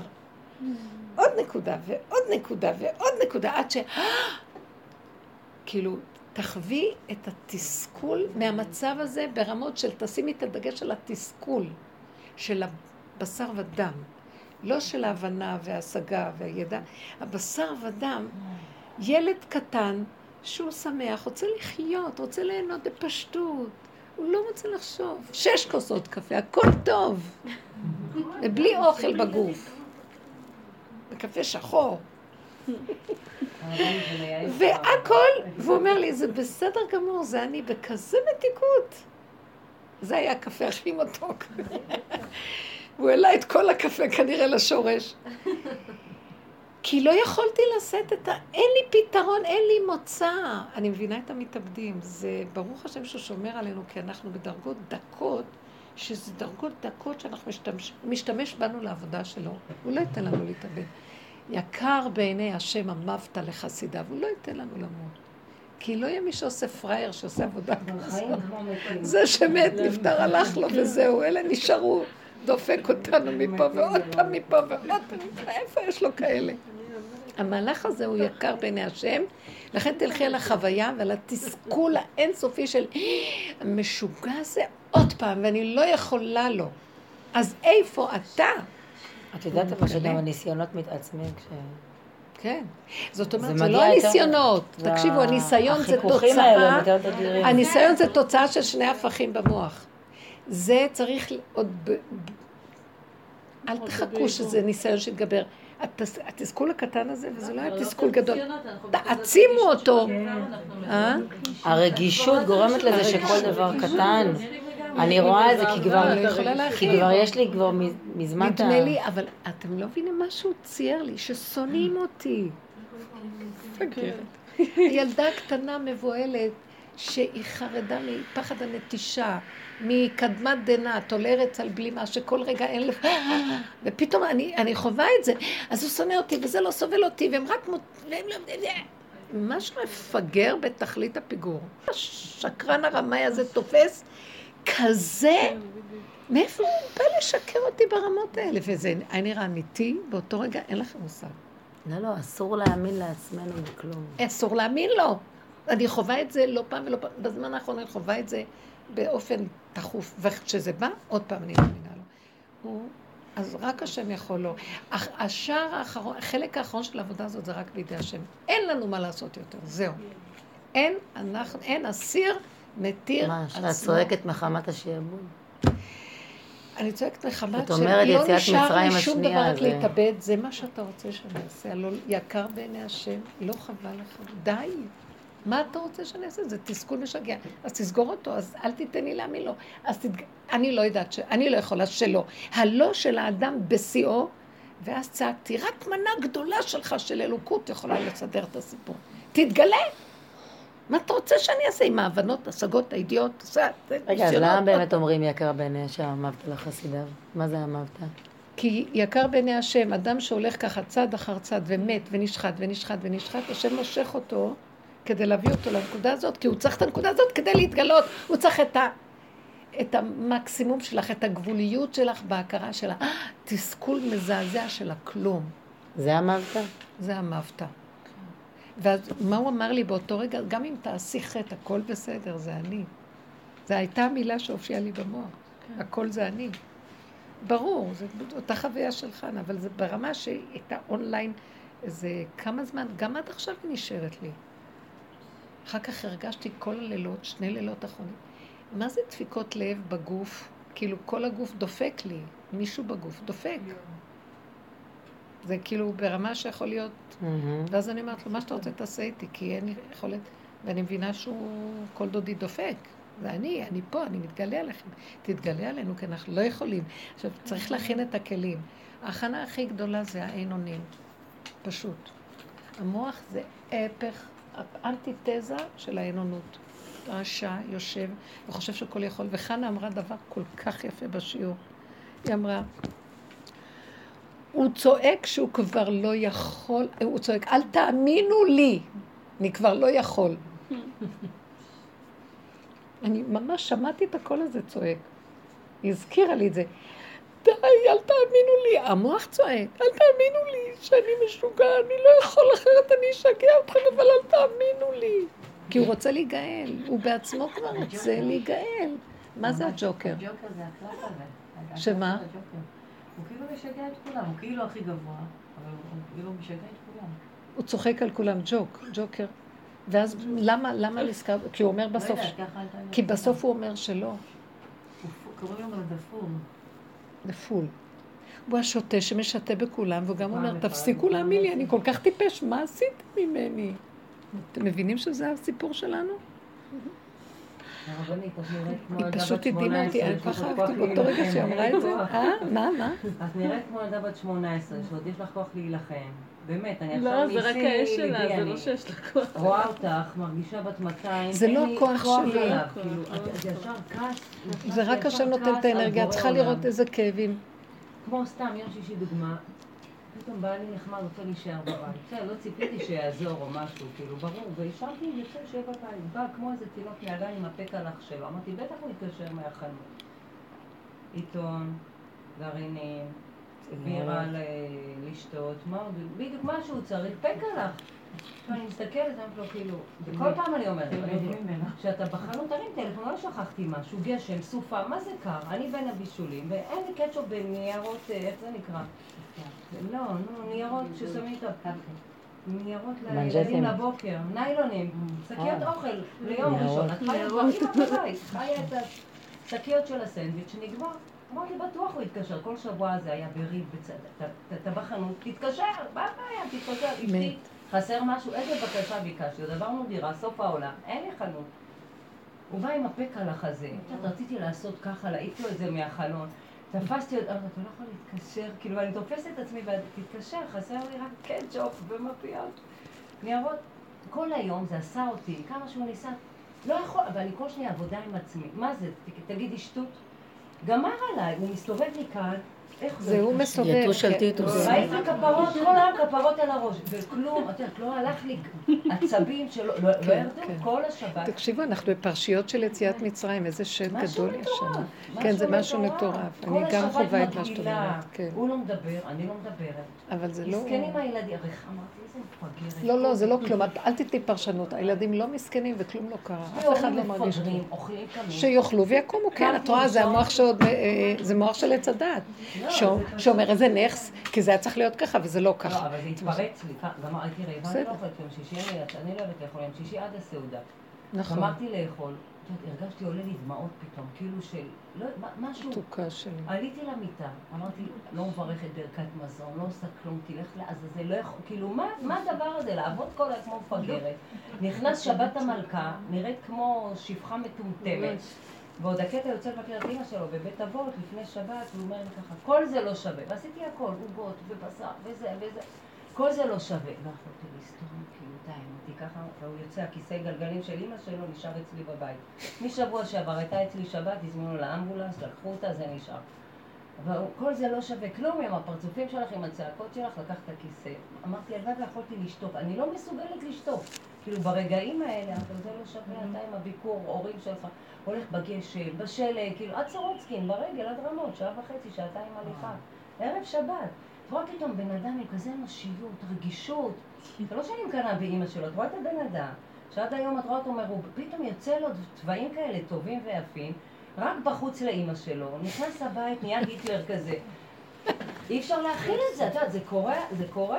נתתי לו מה זה, לא יכולתי, חבל ששלחתי. אבל בואי, בואי, בואי, תראי מה שאני ראיתי. לא זה מה שאני ראיתי. רק רגע, זה לא הוא, זה ההיטלר הזה מתלבש שמה, ברור ששולח אותו משהו. ואנחנו מפרשים אותו, זה עץ הדת שמפרש שזה היטלר, שזה נסראללה, שזה זה. ואין כלום, אבל ככה אנחנו רואים את זה. אז לפחות שנדע שהוא שקרן. זה מה שאנחנו אומרים, הוא שקרן, הוא רמאי. המרירות שהוא עושה לך, זה הוא עושה לך. זה לא קשור לבעל. את יודעת שהבעל הזה, כמו שאת אומרת, ברגע אחד יצא לו כל הטוב לאימא שלו. זה לא חשוב. זה השם עושה לנו שאנחנו, אה, את ההפכים האלה, ושנשתגע, ואסור לנו בכלל לתת לזה ממש. אבל לא מגיע לנקודה הסופית, כן, לעשות, אז אמרתי, לא נורא, הביא רק לעצמו.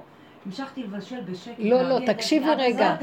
לא, זהו, יש שם, חסר איזה נקודה, מירבי, כן. חסר לי נקודה. הנה, הנה, בוא הנקודה. אז כולנו במקום הזה, לא רק לך. זו נקודה שאת לא מולו. את צריכה להשתמש בו כסיבה ואמצעי להכיר את השקרן הרמאי ומה הוא עושה לך. תראי אחרי כמה שנים עוד לא את החוסר אונים. כל פעם בצורה אחרת. כל יום את העבודה, אותה עבודה. זה אתה, הוא סיבה. לא, די, זה הסוף של זה, זה הסוף של זה. רגע, זה הסוף של זה. לא, תרדי מזה באמת. רק תקחי ותגידי להשם, רק תגידי שזה את תקועה, הוא משגע אותך, הוא רק משתמש בו כדמות. תדעי לך, הוא, הוא השליח של העץ הדעת, לשגע אותך. אצל מישהו אחר זה יכול להיות זה, וכל יום משתנה לו השליח. פעם זה יהיה זה, פעם זה זה, פעם זה זה, פעם... זה שליחים בידיו. אמרתי, חבל שהתחלתי לבוא לשיעורים, באמת, הרגשתי כאילו הניסיונות, לא צוחקת.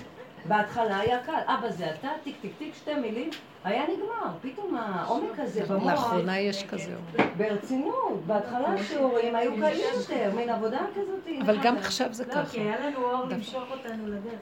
לא, אבל גם עכשיו, גם עכשיו, זה נורא פשוט. גם חושך שנשאר חושך, את עובדת על עצמך, עוד נשאר חושך. שלושת ימי החושך ומכת בכורות. קצת, משהו, איזה חיוך, תעלה, משהו קטן. זה מכת בכורות עכשיו. חושך ומכת בכורות היה השבת.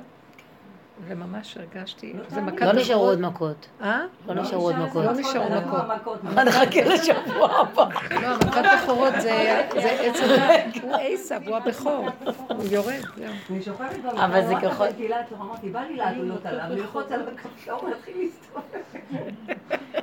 אני שוכבת. לא, זה ככל שגם אתה רוצה להיות יותר בפשטות, יותר לוקחים מזה. אבל אמא בירכנו אותי, בירכתי, צאו מפה כולכם, סגרו את הדלת. כן, הכל כבר נראה מצחיק בך, כל ההלכות האלה בכלל.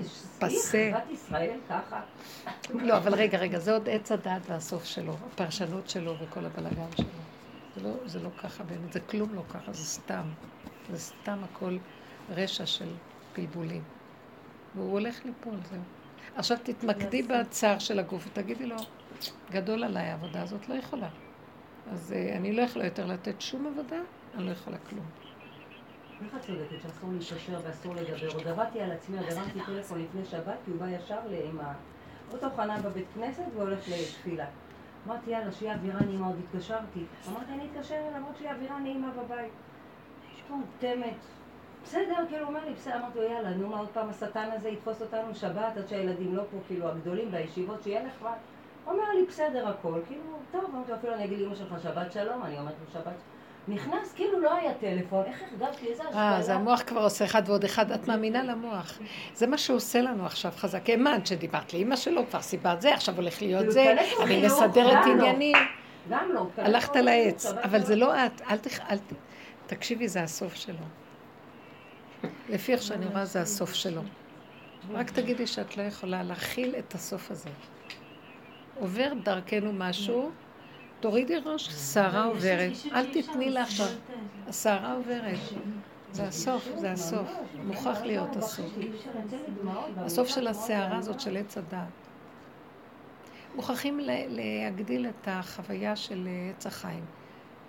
ילד קטן שאין לו מוח, לא יודעת, לא, שקיות, בוא נגיד. אבל הוא צריך לתת לך את הכוח, כי כבר עשינו המון תרגילים. לא צריך שקיות, לא אדבר איתו, אני לא אמחליק. איך את מחזיקה את עצמך שמה? שלא לדבר בכלל. אני רואה שכאילו מגיע יותר מקום להסתגר מפני אנשים, כי בגלל הרגישות, כמה שזה יותר מסוכן. הרגישות מאוד גדולה, זה פשוט... אבל זה... להיכנס לבשר. תתחילו לאכול את הבשר. תאכלי כאילו, כשאת אוכלת, תאכלי את הידיים והרגליים. תלעשי את עצמך לתוך המעיים. אי אפשר אחרת. אי אפשר אחרת. זה לא נורא קשה חושבים. מה? המחשבה. לא, האמת שנהיית הסתגרות כזאת, אז אמרתי לה, פשוט להסכים להסתגרות. להסכים, כי אין לנו ברירה. ודרך אגב, דרך אגב, השני לא מרגיש כלום, אף אחד לא מרגיש. השם עושה שאף אחד לא מרגיש. זה רק המוח מספר לנו סיפורים. באמת נכון שהשני לא מרגיש, כי אני לא, לא. באיזשהו שלב הרגשתי שאולי נהיה פה איזה נתק בתקשורת. זה כבר נגמר אצלנו. זה פסה, שורש, נתק, תקשורת זה שקר. אנחנו בכלל לא... השורש של המילה תקשורת זה שקר. הסכמנו שאין תקשורת עכשיו היא דואגת על הנתק. אנחנו הלכנו בגדול, בזול ובגדול. אני עץ בודד בשדה. ועם כל זה עוד מצפים לאיזה תקשורת. ועולה הזה, ואני כבר... לא, אנחנו מפחדים מהבדידות. אני כבר מפחדת. הבדידות? לא, אנחנו נהיינו עץ בודד, ועדיין המוח לא מסכים לבדידות. הבדידות איומה, אני אומרת לכם, אני מתהלכת, אין, וגם הוא סוגר, לא מתקשרים אליי, אין. אנשים, אני לא, אני הייתי כל היום מכבת טלפונים. לא מתקשרים. אני מחכה לא שיתקשר הטלפון, מתקשרים מספרים של הודעות כאלה, את מכירה? צלצול אחד ולתרום לזה וזה. בשם כל גדולי ישראל. אז אני אומרת, בשלושה ימים האחרונים אני... מת שאף אחד לא זוכר אותו. כי אין במוות זכרך, אף אחד לא זוכר שאני חיה בכלל. עד כדי כך, ואני אחר כך מבינה, הכל הוא עושה לי. זה לא לתת ממשות, אני מבינה שהוא עושה את הכל, שאני עצובה, שאני מורה בודדה, אני בבדידות, ואני הולכת ושיממון, מה, כל מכות מצרים. וכל העבודה היא להגיד, לא לתת מחשבה, ואם כן זה כבר עובד עליי, אז את התסכול להעביר אליו, שאני סוף סוף בן אדם, ואז אמרתי, אני בן אדם, ואני לא יכולה שלא להאמין לו, ואני עושה כאן עבודה, רציתי להיות אלוקות. לאן הבאת אותי? הוא רוצה להגיד לי, זה כל העניין. כל הבלגן שלכם שרציתם להיות אלוקות. תכירו שאתם לא יכולים כלום, כלום שבכלום. ורק אני אציל אתכם. אם כן, אתם בשר ודם שלא יכול כלום, גולם. זה הישועה וזה התיקון של עץ הדת. כי כל האדם מתהלך שהוא עוד מעט משהו, והוא כולו משהו, מלא ידע, מלא הבנה, מלא... גם אפילו שמה כבר ביקשתי ממנו? הצדקה. אני צריכה זה ואני צריכה זה, ומה? אז לא, יש שערה. אני אומרת לכם, כלום, להרגיש שאת בודדה, אין מי שיקשיב לך, אין לך אף אחד, אין שקיות. אין כלום, את יכולה לתלוש, את יכולה לזרוק אותם מהחלון את הילדים, לשלוח איתם סנדוויץ', לא רק זה. את יכולה להרוג את, את לא, אין לך לב לכלום, אין לי לב, אין לי כלום. מה אני אגיד לכם, הגריעות שבגריעות שבגריעות. ואחר כך לקבל את זה, אמרתי לו, גם את זה אתה תיתן לי, והוא נותן לי את זה לא בגלל שאני יכולה, כי אין לי ברירה, הוא מראה לי איך אני נראית. ואם אני עוד אתרגש מזה, הלך עליי. אתם מבינים איך הוא מביא אותנו? חוסר אונים מוחלט. הוא אומר, אז תיכנו. אין לך מה לעשות. תדבק לקיר, תיכנע. זאת הכנעה שאפילו את לא יוזמת אותה ואת לא יכולה, לה... רק פשוט זה פיקוח נפש והוא מתגלה שם.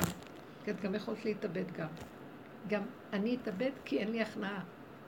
כי אם אדם נכנע, אז הוא לא מתאבד. אבל הוא עוד רוצה להתאבד, אין חוסר הכנעה יותר גדול מזה שהוא עוד רוצה להתאבד. כל הזמן אמרתי ביום שישי אני מתאבדת. הוא יעניש את עצמו בזה שהוא יתאבד. ואחרי שהוא יוצא מהעולם עושים לו, פגר, תחזור בחזרה למעגל, תחזור לדלת. משהו שרציתי לשאול אותך בהתחלה, כשה... בצוהר רוחני כזה. כשה... כן, כלום. זה סופנות מוחלטת, שרק הוא חייב להתגלות שם כשאת לגמרי רואה את כל הזוויות ואין... איזה מזעזע פה, זה הגיהנום, אנחנו עוברים את הגיהנום, מבין? אין כאן עולם הזה, יש כאן גיהנום. אבל גם זה צחוק. מה את אומרת? הקו נוצר כתוצאה מהשבירה בחטא? אה, אם הקו נוצר כתוצאה מהשבירה? כי אחרת העולם היה צריך להתקיים רק בעיגול. למה נוצר הקו? לא. כן. לא, לא, כי זו שאלה מאוד מאוד טובה. זו שאלה מאוד טובה. לא, השבירה לא הייתה מהקו. השבירה הייתה בגלל חוסר הקו. בגלל חוסר הקו? כן. השבירה זה הנקבה. והקו זה השלם, כאילו, את מבינה? אז הייתה כבר שבירה. אחר כך הקו בא להשלים את השבירה, לתקן את השבירה. הקו בא לתקן את השבירה. כן, הוא ממלא את השבירה. כי החלל, הנקודה היא חלל פנוי. והקו ממלא, הוא אמור להיות ממלא כל עלמין. יש מושג כזה, יש מסובב כל עלמין ויש ממלא כל עלמין. אז הקו הוא בעצם הישועה של העיגול. לכן עץ הדת הוא ביסודו, הדת הכי גבוהה היא הישועה של העיגול, אבל היא הפכה להיות הקליפה הכי גדולה. ואז צריך להז... לכן כל התורה היא הכי חשובה ביותר. כל הדורות רק תיקנו את המהלך הזה במוח, מה שקרה. עשו את עיקר, תדעו לכם, עיקר התיקון שעשו החכמים בדת, זה מה שמאפשר את השלב האחרון. אם לא, אם לא היה אפשר לעשות את זה. אין מה לדבר בכלל. אבל עכשיו זה זה, כאילו, אני אומרת, כאילו, אני רואה תמונה של רבנים ואני אומרת להם, תקשיבו, זוזו הצידה, תנו לי את הנשים. גמרתם את העבודה שלכם. ככה אני הרבה פעמים רואה, כאילו, תפסיקו. עכשיו צריך את החלק הזה. עשיתם את כל מה שצריך, זהו. ואם תמשיכו, אנשים יהרסו לכם את הכל. תנקמו בכם עד הסוף. כי אתם לא נותנים לעבודה הנכונה של הנקבה לעלות. כי זה הזמן שלה. רק היא יכולה להיכנס בתוך הפגם, והיא יכולה להיכנס בחיה, והיא יכולה להיכנס ועד למטה ש, שהקו לא, הקו מפחד להיות שם. כי ברגע שהוא מתחבר לעיגול, הוא נעלם. אין לו קיום. אנשים שהביאו ישועה לעם ישראל, הם הביאו מהמקום הזה שהם כביכול חתכו את הראש. הרגו את המהלך הזה דרך המקום הזה. והצדיק מפחד מהמקום הזה, כי הוא, הוא ממוחש, הוא הולך לאיבוד. לכן יש כאן חלק שהנקבה צריכה להיכנס. זה מרדכי ואסתר. מרדכי לא נכנס לבית אחשוורו. רק אסתר הייתה צריכה להיכנס. כי הוא לא יכול היה. הוא היה המשנה למלך הצדיק, צדיק האמת. אבל הוא לא יכול היה להיכנס. היא הייתה צריכה להיכנס. כי לה יש את המקום הזה והיא יכולה לעמוד בזה. היא, היא יכולה להפוך את הקו לעיגול. אבל אם צדיק האמת יהפוך את הקו לעיגול, הוא נגמר, אין לו קו. זה דבר שרק עבודת הנשים, וזה עבודת הפגם, עבודת הנוקבה. מה זה הנשים? החשיבה האחרת, לא חשיבה של תורה, בכלל לא חשיבה של... אז החכמים שדיברו לכן גם את לא יכולה להתווכח עם אנשים. כן, תעשי את עצמך שאת מקיימת את כל המצוות שבעולם. בשביל מה את צריכה לדבר עם בני אדם? והאמת, שפעמים השם מסובב לנו, כן, ופעמים שלא, וזה רק הוא, ואני רואה רק אותו בכלל. אין בכלל עם מי לדבר. של מה לדבר? כי את עושה דבר אחר לגמרי. ומה שאני ראיתי, שכשאת יורדת למקום הזה ונמוך, את לא יכולה לקיים את המצוות של הקו, כי זה סותר לך את העבודה הזאת. ואם תבואי, וזה מה שראיתי, שהייתי בהתחלה מדברת עם הבנים שלי, זה היה מתסכל אותם, כי הם אמרו לי, אז זה מקלקל לנו בלימוד. פסניש, אי אפשר לעבור שם. תעזבי אותם. ובאמת יש להם נפש של אמת, אבל כאילו תעשי את בשבילם את העבודה, כי הם לא יכולים להיכנס לעומק הזה. לכן זו עבודת נשים מובהקת. או זכרים שיש להם את הנוקבה. זכרים, יש סוג של זכרים. זה מה שמביא, אלה הסוג שמביאים את היסוד של הגאולה בסוף.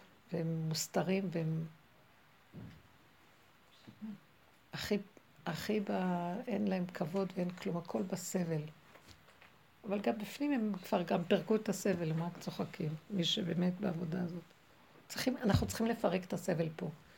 הסבל מביא, בא מפה, מהקו הזה. תשחררי אותו, לכי לכיוון אחר, תשחררי את הבעל הזה, תשחררי אותו, תשחררי את התפיסה במוח. קל לי להגיד, סלחו לי שאני אומרת את זה, אבל אני, כואב לי ואני כן רוצה שזה, זה, ומה שמצאתי לנכון זה רק לבוא עם כל האמת שלי, אבל מול בורא עולם, זה לא מול הדמות. כי די, הדמויות האלה, הדמויות האלה זה שקר, זה הוא עושה אותם חיים. פה, פה הם מקבלים דמות וחיות וכוח ומפלצתיות, והם לא קיימים. אנחנו מאמינים לזה, כי זה כל כך מוחשי נראה. ואין אף אחד שם. אז אני צריכה רק את זה להחזיק ולהגיד לו, אבל זה נראה לי מוחשי, ואני לא יכולה שזה לא ייראה מוחשי, ואני מתה. אז תעזור לי. כן, אני לא יכולה יותר. זה הדיבור היחידי שנשאר לנו מולו, מול התודעה הזאת של ה... זה כמו שאסתר אמרה שם, כאשר עבדתי, עבדתי, זה הנקודה הזאת עכשיו. ועכשיו נפתח אור חדש, באמת. אנחנו קרובים לפורים, חבר'ה. אבל זה כזה זמן עכשיו. רק לא להאמין. זה חשוב שאנחנו מאוחדות, והחבורה נותנת כוח.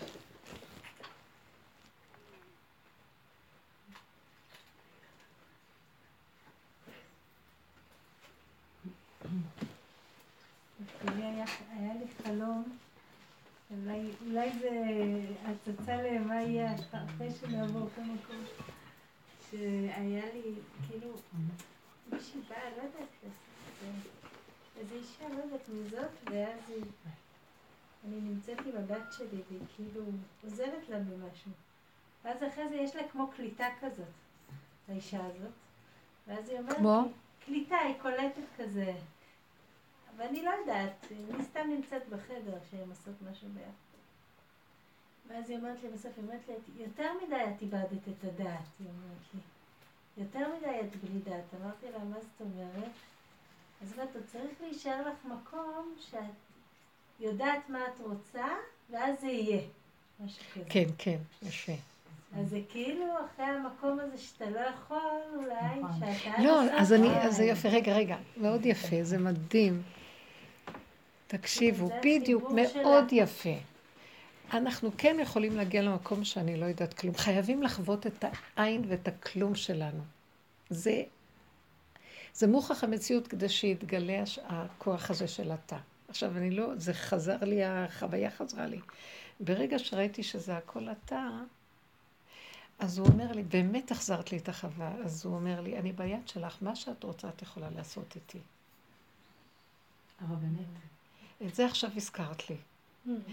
זאת אומרת, זה כבר לא בא מהאני הזה. עכשיו, זה לא בא מהדת הזאת, זה מהדת העליונה שיש לנו במילא. היא חוזרת לנו הדת העליונה, שהיא א' ב' אלוקי. מוכרח שתהיה דת. אבל זה לא הדת של עץ הדת. כן. זה כאילו, אני, זה את. ואת אומרת, את תפעילי אותי, תניעי אותי. כשאת אומרת, מה שהשם ירצה. אז עכשיו, פעם, זה, זה עורר לי עוד פעם את החוויה הזאת, שבעצם פעם הדוסיות הזאת, מה שהשם, תלינו את השם בשמיים ומה שהוא עושה. זה בעץ הדעת, אבל באמת אין כזה דבר. כי באמת אין, אין את ואין הוא, יש דעת שמפעילה אותו, והוא זה הדעת, הוא זה הפה, הוא זה היד, והוא זה הכל. ואת זה הוא. אז אין יותר כלום, אבל זה לא זה. זה לא החשיבה הזאת. איך? רק מהמקום של הכלום אתה יכול להביא את זה למקום נכון, כאילו... רק מהמקום שאת חייבת לעבור את התהליך של התסכול של המוות שכלום. כי התבלבלנו לגמרי, איבדנו הכל. את חייבת את ה... אין לי כלום. כי אם עוד יש לך משהו ואת תגידי לו, את לגמרי איבדת... את חייבת לחוות, ואני מתהלכת, אני אומרת לו, מה עשית ממני? אין לי דעת, אין לי, ואני, אני אין לי דעת. אין לי דעת, אין לי כוח, אין לי הבנה, אין לי השגה, אין לי חשק, אני מת, מהלך, אין לי כלום. מה יש מה, מה הסיפור הזה? ואני בתוכי יודעת שזה, שזה טוב. אני יודעת שזה טוב המהלך הזה. אבל משהו מתמרמר עוד במוח הזה, תראה איך כולם ומה אני. ולא סובלים אותי, ולאן הגעתי, ואין לי כבוד, ויותר, וכל המרירות, הימים האחרונים, המוח שיגע אותי. ובסוף הגעתי למקום הזה שאני לא יכולה ככה לחיות, כי המוח הזה משגע אותי, ואני לא יכולה לחיות יותר ככה. אז מהמקום הזה החוויה של הוא הכל, ועכשיו אה, תפעילי אותי. זה לא אפילו אני, זה לא הייתי אני, זה אני הוא. זה הפוטנציאל שבך, הוא משתמש בך. זה הפוטנציאל העתיק שטמון בך, הוא פשוט מוציא אותו. זה דבר אחד בפנים. עכשיו, אם את יודעת פתאום משהו, אז תגידי, וזה יהיה. הרבנית, זה בדיוק שקרה לי השבוע. הייתי צריכה לשלם איזה מס על כסף שלא קיבלתי. והייתי בדיוק באבדון הזה, התקשרתי לחני, אמרתי לה, חנה, זה לא יכול להיות, עם כל ההוצאות, עכשיו מס על משהו שלא שילמתי כמה אלפים. אז היא אמרה לי, עכשיו תהיה לך ישועה. סגרתי את הטלפון, אמרתי, עכשיו תהיה לי ישועה, עכשיו תהיה לי ישועה. ואז התקשרתי סתם לטלפון של מישהי שאני בקושי מכירה, שעובדת איתי, סיפרתי לה שזה קרה לי. היא אמרה, לא, לי שילמו. אבל יש לי הרבה כסף בחשבון, מה אני אשלם לך? תשלמו לך, תחזירי לי. זה 4,000 שקל, אני בקושי מכירה אותה. אבל אמרתי, מה שחנה אמרה, אני, אני פשוט מאמינה לזה. עכשיו היא ישועה, אז עכשיו היא ישועה. איזה יופי. זה סיבות. את רואה סיבה שעוברת דרך... זה כבר לא עניינים של... זה מאחד לאחד, אנחנו מתחילים להיות סיבות פשוטות שדרכנו. רב אושר, זה, זה החברות האמיתית. זה מתחיל להיות. כי אין, אין בכלל דמויות ואין כלום. איך שהמוח עושה את זה, זה הכל כלים של השם, וזה יפה. את גוזרת, זה נהיה. לכן תלכו עם לשון טובה אחד אל השני. כן. השם קוטש עוד יותר את הדמויות עכשיו. כן, הוא קוטש. כאילו עוד יותר נהיה, אני מרגישה מסוכן עם הדמויות. מאוד. כי זו המוח עוד רוצה, המוח עוד רוצה, אבל אני אומרת לכם, מכת בכורות עכשיו, זה מכת בכורות, זה הבכור הזה. זה עכשיו ילך ויראה... כאילו אנחנו צריכים לחיות פה. שימו את העיניים פה, בכלל בלי ראש. ואת שומעת ממישהו משהו, תברכי. אז כן, תעשי ככה, הכל כן. כן? לי איזה יושבת רויטל, זה היה נורא מצחיק. מה שאמרת על החברות היה מאוד משעשע. סיפרתי לך על הקטע הזה עם בעלי, לא משנה. קיצור, היה איזה קטע שאמרתי לו מה דעתי, בדיוק מה הוא צריך לעשות. והוא לא ספר אותי כרגיל, המשיך הלאה, ואז איכשהו זה התגלגל לזה שרויטל התקשרה אליו. אמרה לו, ספר לי את הסיפור. הוא סיפר לה, והיא אמרה לה בדיוק את מה, היא אמרה לו בדיוק את מה שאני אמרתי. ולא הקשב. אז הוא בא אליי ואומר לי, היא אמרה בדיוק מה שאת אמרת. פתאום זה נפל לו. את רואה? קשה להם לקבל ישירות. בסדר, מה אכפת לנו? קשה להם לקבל בכלל, כל דבר שהוא. אז בואו לא נשים לב לאף אחד בעולם, כי אין אף אחד, רק אנחנו. ואנחנו גם לא קיימים, זה רק הוא. אז זהו. אני אתה. פעם הייתה לי חוויה כזאת מאוד חזקה, סיפרת לכם את זה, שהייתי צריכה ללכת למס הכנסה עם הסיפור הזה שהיה לי אז, עוד עם החובות, והייתי בחרדה איך אני אכנס לשם. ואז הייתה לי חוויה, צעקתי לה שם, אני לא יכולה, אני לא, אני לא יכולה לעמוד ב... צריכה ללכת למחלקת החקירות של הקרחות שם. מי אני בכלל, מה וזה, וחובות למס הכנסה. ואז אה, צעקתי, השם תעזור לי, ואז אמרתי, בזכות רב אושר ככה, ופתאום הייתה לי חוויה, ראיתי תמונה, אני רואה את רב אושר יושב כמו איזה גנגסטר כזה, על, על פח של זיתים, אה, שיכור, שערות, ערום, ככה זקן שמן, יושב כזה רק מכוסה למטה כזה עם איזה סמרטוט, וכל כולו ממש כמו איזה שודד במערה. ועיניים אדומות, שיכור. ממש פנים מפחידות, וזה רב אושר. ואז הוא אומר לי, אני את, במילה אחת. זה החוויה שרציתי להגיד. אה, יותר גרועים מהם. זה היה המילה. אני את יותר גרועים מהם. לכי עם הפגם, לכי לפגישה הזאת, שאת יותר גנבת, יותר גרועה מכולם, יותר מפ... מפחידה. את רואה אותי? הוא הראה לי את הפגם בעיצומו. מה זה שיכור? מה זה דמות מפחידה? מה זה...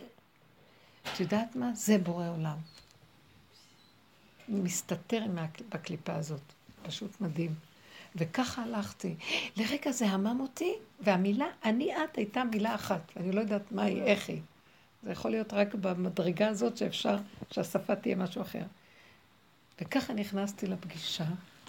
עכשיו, אתם צריכים להבין איך נכנסתי לפגישה. הפחד נעלם ממני. מה שרק יכולתי לעשות זה כאילו שהם יפחדו ממני עכשיו. ואז אני נכנסת, מושיב אותי אחרי שהמתנתי שם. אה, פותח תיקים, אחד כזה מפחיד עם קרחת. את אה, זה וזה וזה. אני רואה כאן שבעה חברי עמותה. אמרתי לו, רגע, רגע, רגע, רק אני ואך ורק אני אחראית על הסיפור הזה. להם אין עסק בזה, כי אני ניהלתי את הכל. הם רשומים. מרים ככה ראש. שאני גם אגיד לו, אתה לא תציק להם, שמעת רק לי אתה מציק. ככה התחלתי את הפגישה. ואז הוא אומר לי, תראי, חוב כזה, חוב כזה, הוא פותח לי את החוב. אמרתי לו, רגע, רגע, רגע, אם אתה היית נקלע לסיפור שלי, ככה אמרתי לו, שיש לך צוות של אנשים שלא מקבלים משכורת, צוות של נשים שהן נשות אברכים ואין להם מה לתת לילדים חלב ולחם. והיה נכנס סכום למס הכנסה, כי משרד האוצר מעביר דרך החינוך, אה, נעביר חלק למס הכנסה ואת השאר את לוקחת לתקציב. ואני השתמשתי בהכל לשלם, כי היה לנו, מה זה תקיעות? מה אתה רוצה, שאני אתן לכם את הכסף ולהם לא יהיה מה להאכיל את הילדים לחם וחלב? מה אתה היית עושה במקום? תגיד לי. ודיברתי איתו, אבל בצורה מאוד חזקה, לא הייתה אפשרות שיהיה משהו אחר. כאילו, אני הודיתי שאני הגנבת, ואני באה להגיד לך, אתה במקומי מה היית עושה? אז הוא היה המום, אומר לי, מה פירוש? את אומרת לי שאת לוקחת את הכסף שמגיע לי ואת מס... למס הכנסה ואת נותנת לאחרים לפי ראות עינייך? זה לא כסף שלך בכלל. תתחיל לצעוק. ואז אמרתי לו, פתאום נעצרתי, הסתכלתי עליו ואמרתי לו, זאת אומרת שאתה אומר שאני גנבת? ואז אמרתי לו, תקשיב, כמה שנים אני מופיעה אצלכם בתיק? 22 שנה. אמרתי לו, כמה זמן הסיפור הזה? והוא עונה לי, אני, אני חוקרת אותו. הוא אומר לי, שנתיים האחרונות. אמרתי לו, מה היה בעשרים שנה האחרונות? זוכרת? את היית אצלי. הייתה מזכירה. הכל שולם דבר דבור על אופניו. תבדוק מה קרה בשנתיים האלה מצד משרד החינוך. עיכבו לנו משכורות, לא נתנו, התקציבים לא הגיעו, הורידו בשליש, הורידו... לא יכולתי לשלם לכם, לא הייתה לי ברירה. בסדר? אתה צודק ולא הייתה לי ברירה. זה הסיפור.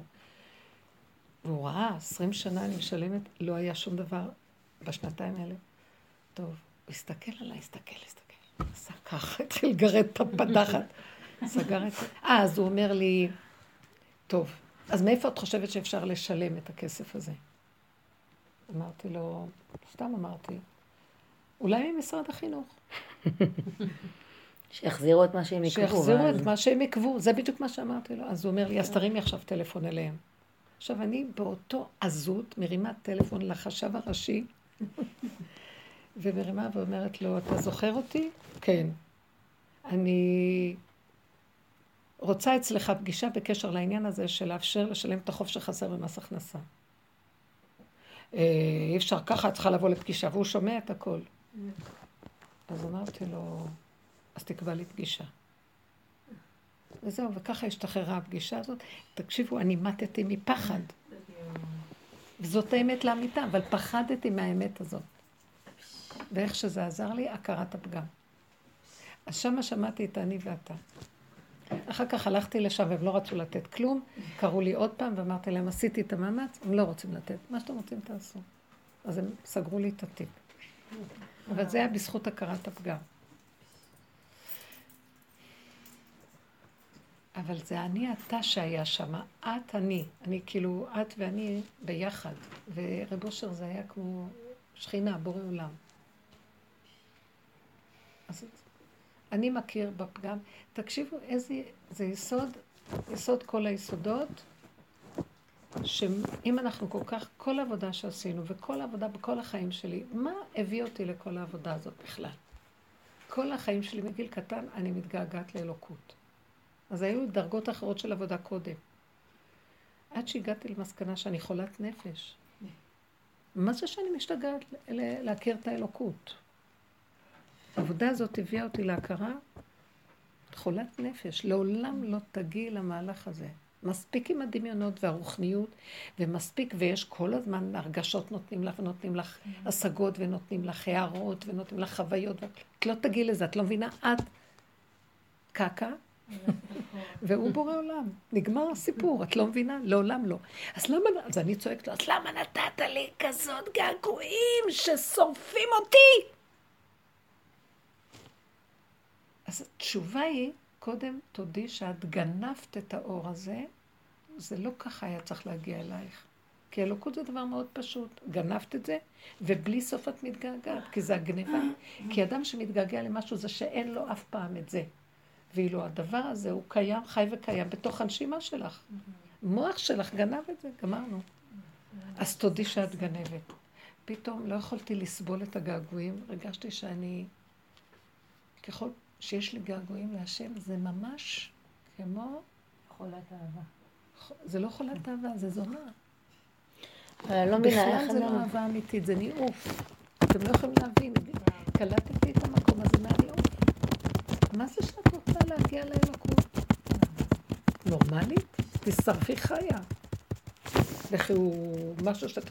זה דבר בלתי מושג. אז מאיפה בא הגעגועים האלה? הגעגועים האלה זה החולי, וזה כל הגלות. אנחנו חולת געגועים, וזה הפגם. צריך... זה נקרא תוחלת ממושכה, מחלת לב. תמותו. הלב שלכם חולה, ואין כזה דבר בכלל. כי הנה אני. איפה אתה? הנה. אז איך אני אדע שאתה זה אני? תגידי שאת קקה. תודי שאת כלום וזהו. זה הכל. וכמה זה קשה. אוהב את השם שכמותי. איפה את יכולה לדבר ככה לאנשים, אם לא, אם לא האמת שאנחנו יכולות לפתוח את הכל ולדבר? לא, כי הוא גם לקח לנו את אהבת השם כבר, אז הוא כבר... את ה... כי אין כזה דבר, גברת. איזה אהבת השם. הייתי מתפוצצת, אני באה ממשפחה של מקובלים. אבל אבא שלי היה איש אלוקי אמיתי, אבל אני מדומיינת. כי הוא באמת עשה עבודות נכונות, והיה מאוד ענה ושפל, ואנחנו משוגעים. זה לא זה יכול להיות שאת מתגעגעת לדבר שגנבת אותו, כי כאילו אם גנבת את זה, את היית צריכה לדעת מה זה, בשביל לגנוב את זה. זה תרמית. זה תרמית לגמרי, כי זה לא ידעתי מה זה, זה כאילו ידעתי. זה כאילו הוא בא, נתן לך את החלק ואמר לך, תחזירי לי, תחזירי לי את עצמי. אבל אתה שמת, אתה זרקת את עצמך לפה כדי שזה יחזור, אז מה, מה העניין הזה? לא, בתוך כל דבר שיש בבריאה תמיד הוא נמצא, אחרת הוא לא היה קיים. אם יש לי תחושה כזאת, יש בזה נקודה, אבל העצמתי את זה בדמיון שלי. כמו כל דבר. כמו כל דבר. יש תמיד נקודה. אחרת הוא לא היה... זה רק הדמיון של הגנבה. אבל, אבל זה מה שראיתי בבעל התפילה. תפסי איפה הנקודה של השקר, שמה זאת האמת. אין לחפש אמת, רק חפשו שקר, שמה נמצאת אמת. אם תודו. וצריך לעשות את כל העבודה הזאת, לראות שזו רק המראה שמראה לי את עצמי, שזה אני, עד שאת מתה נכנס, ובסוף. טוב, זה המס הכנסה. אני יותר גרועה מהם. כן, אני גונבת. זה כסף שלהם, ולקחתי והחלטתי לעשות איתו מה שאני רוצה.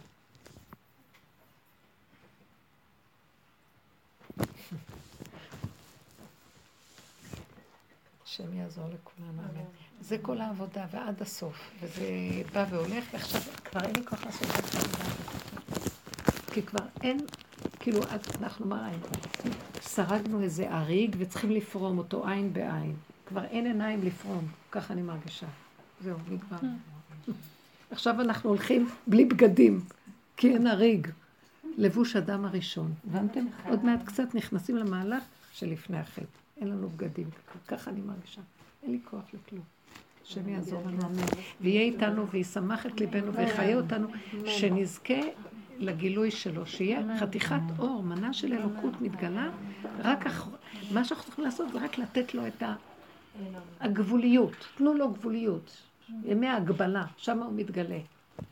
אחרי זה היה אור גדול שהתגלה, אחרי שלושת ימי הגבלה. תודה רבה.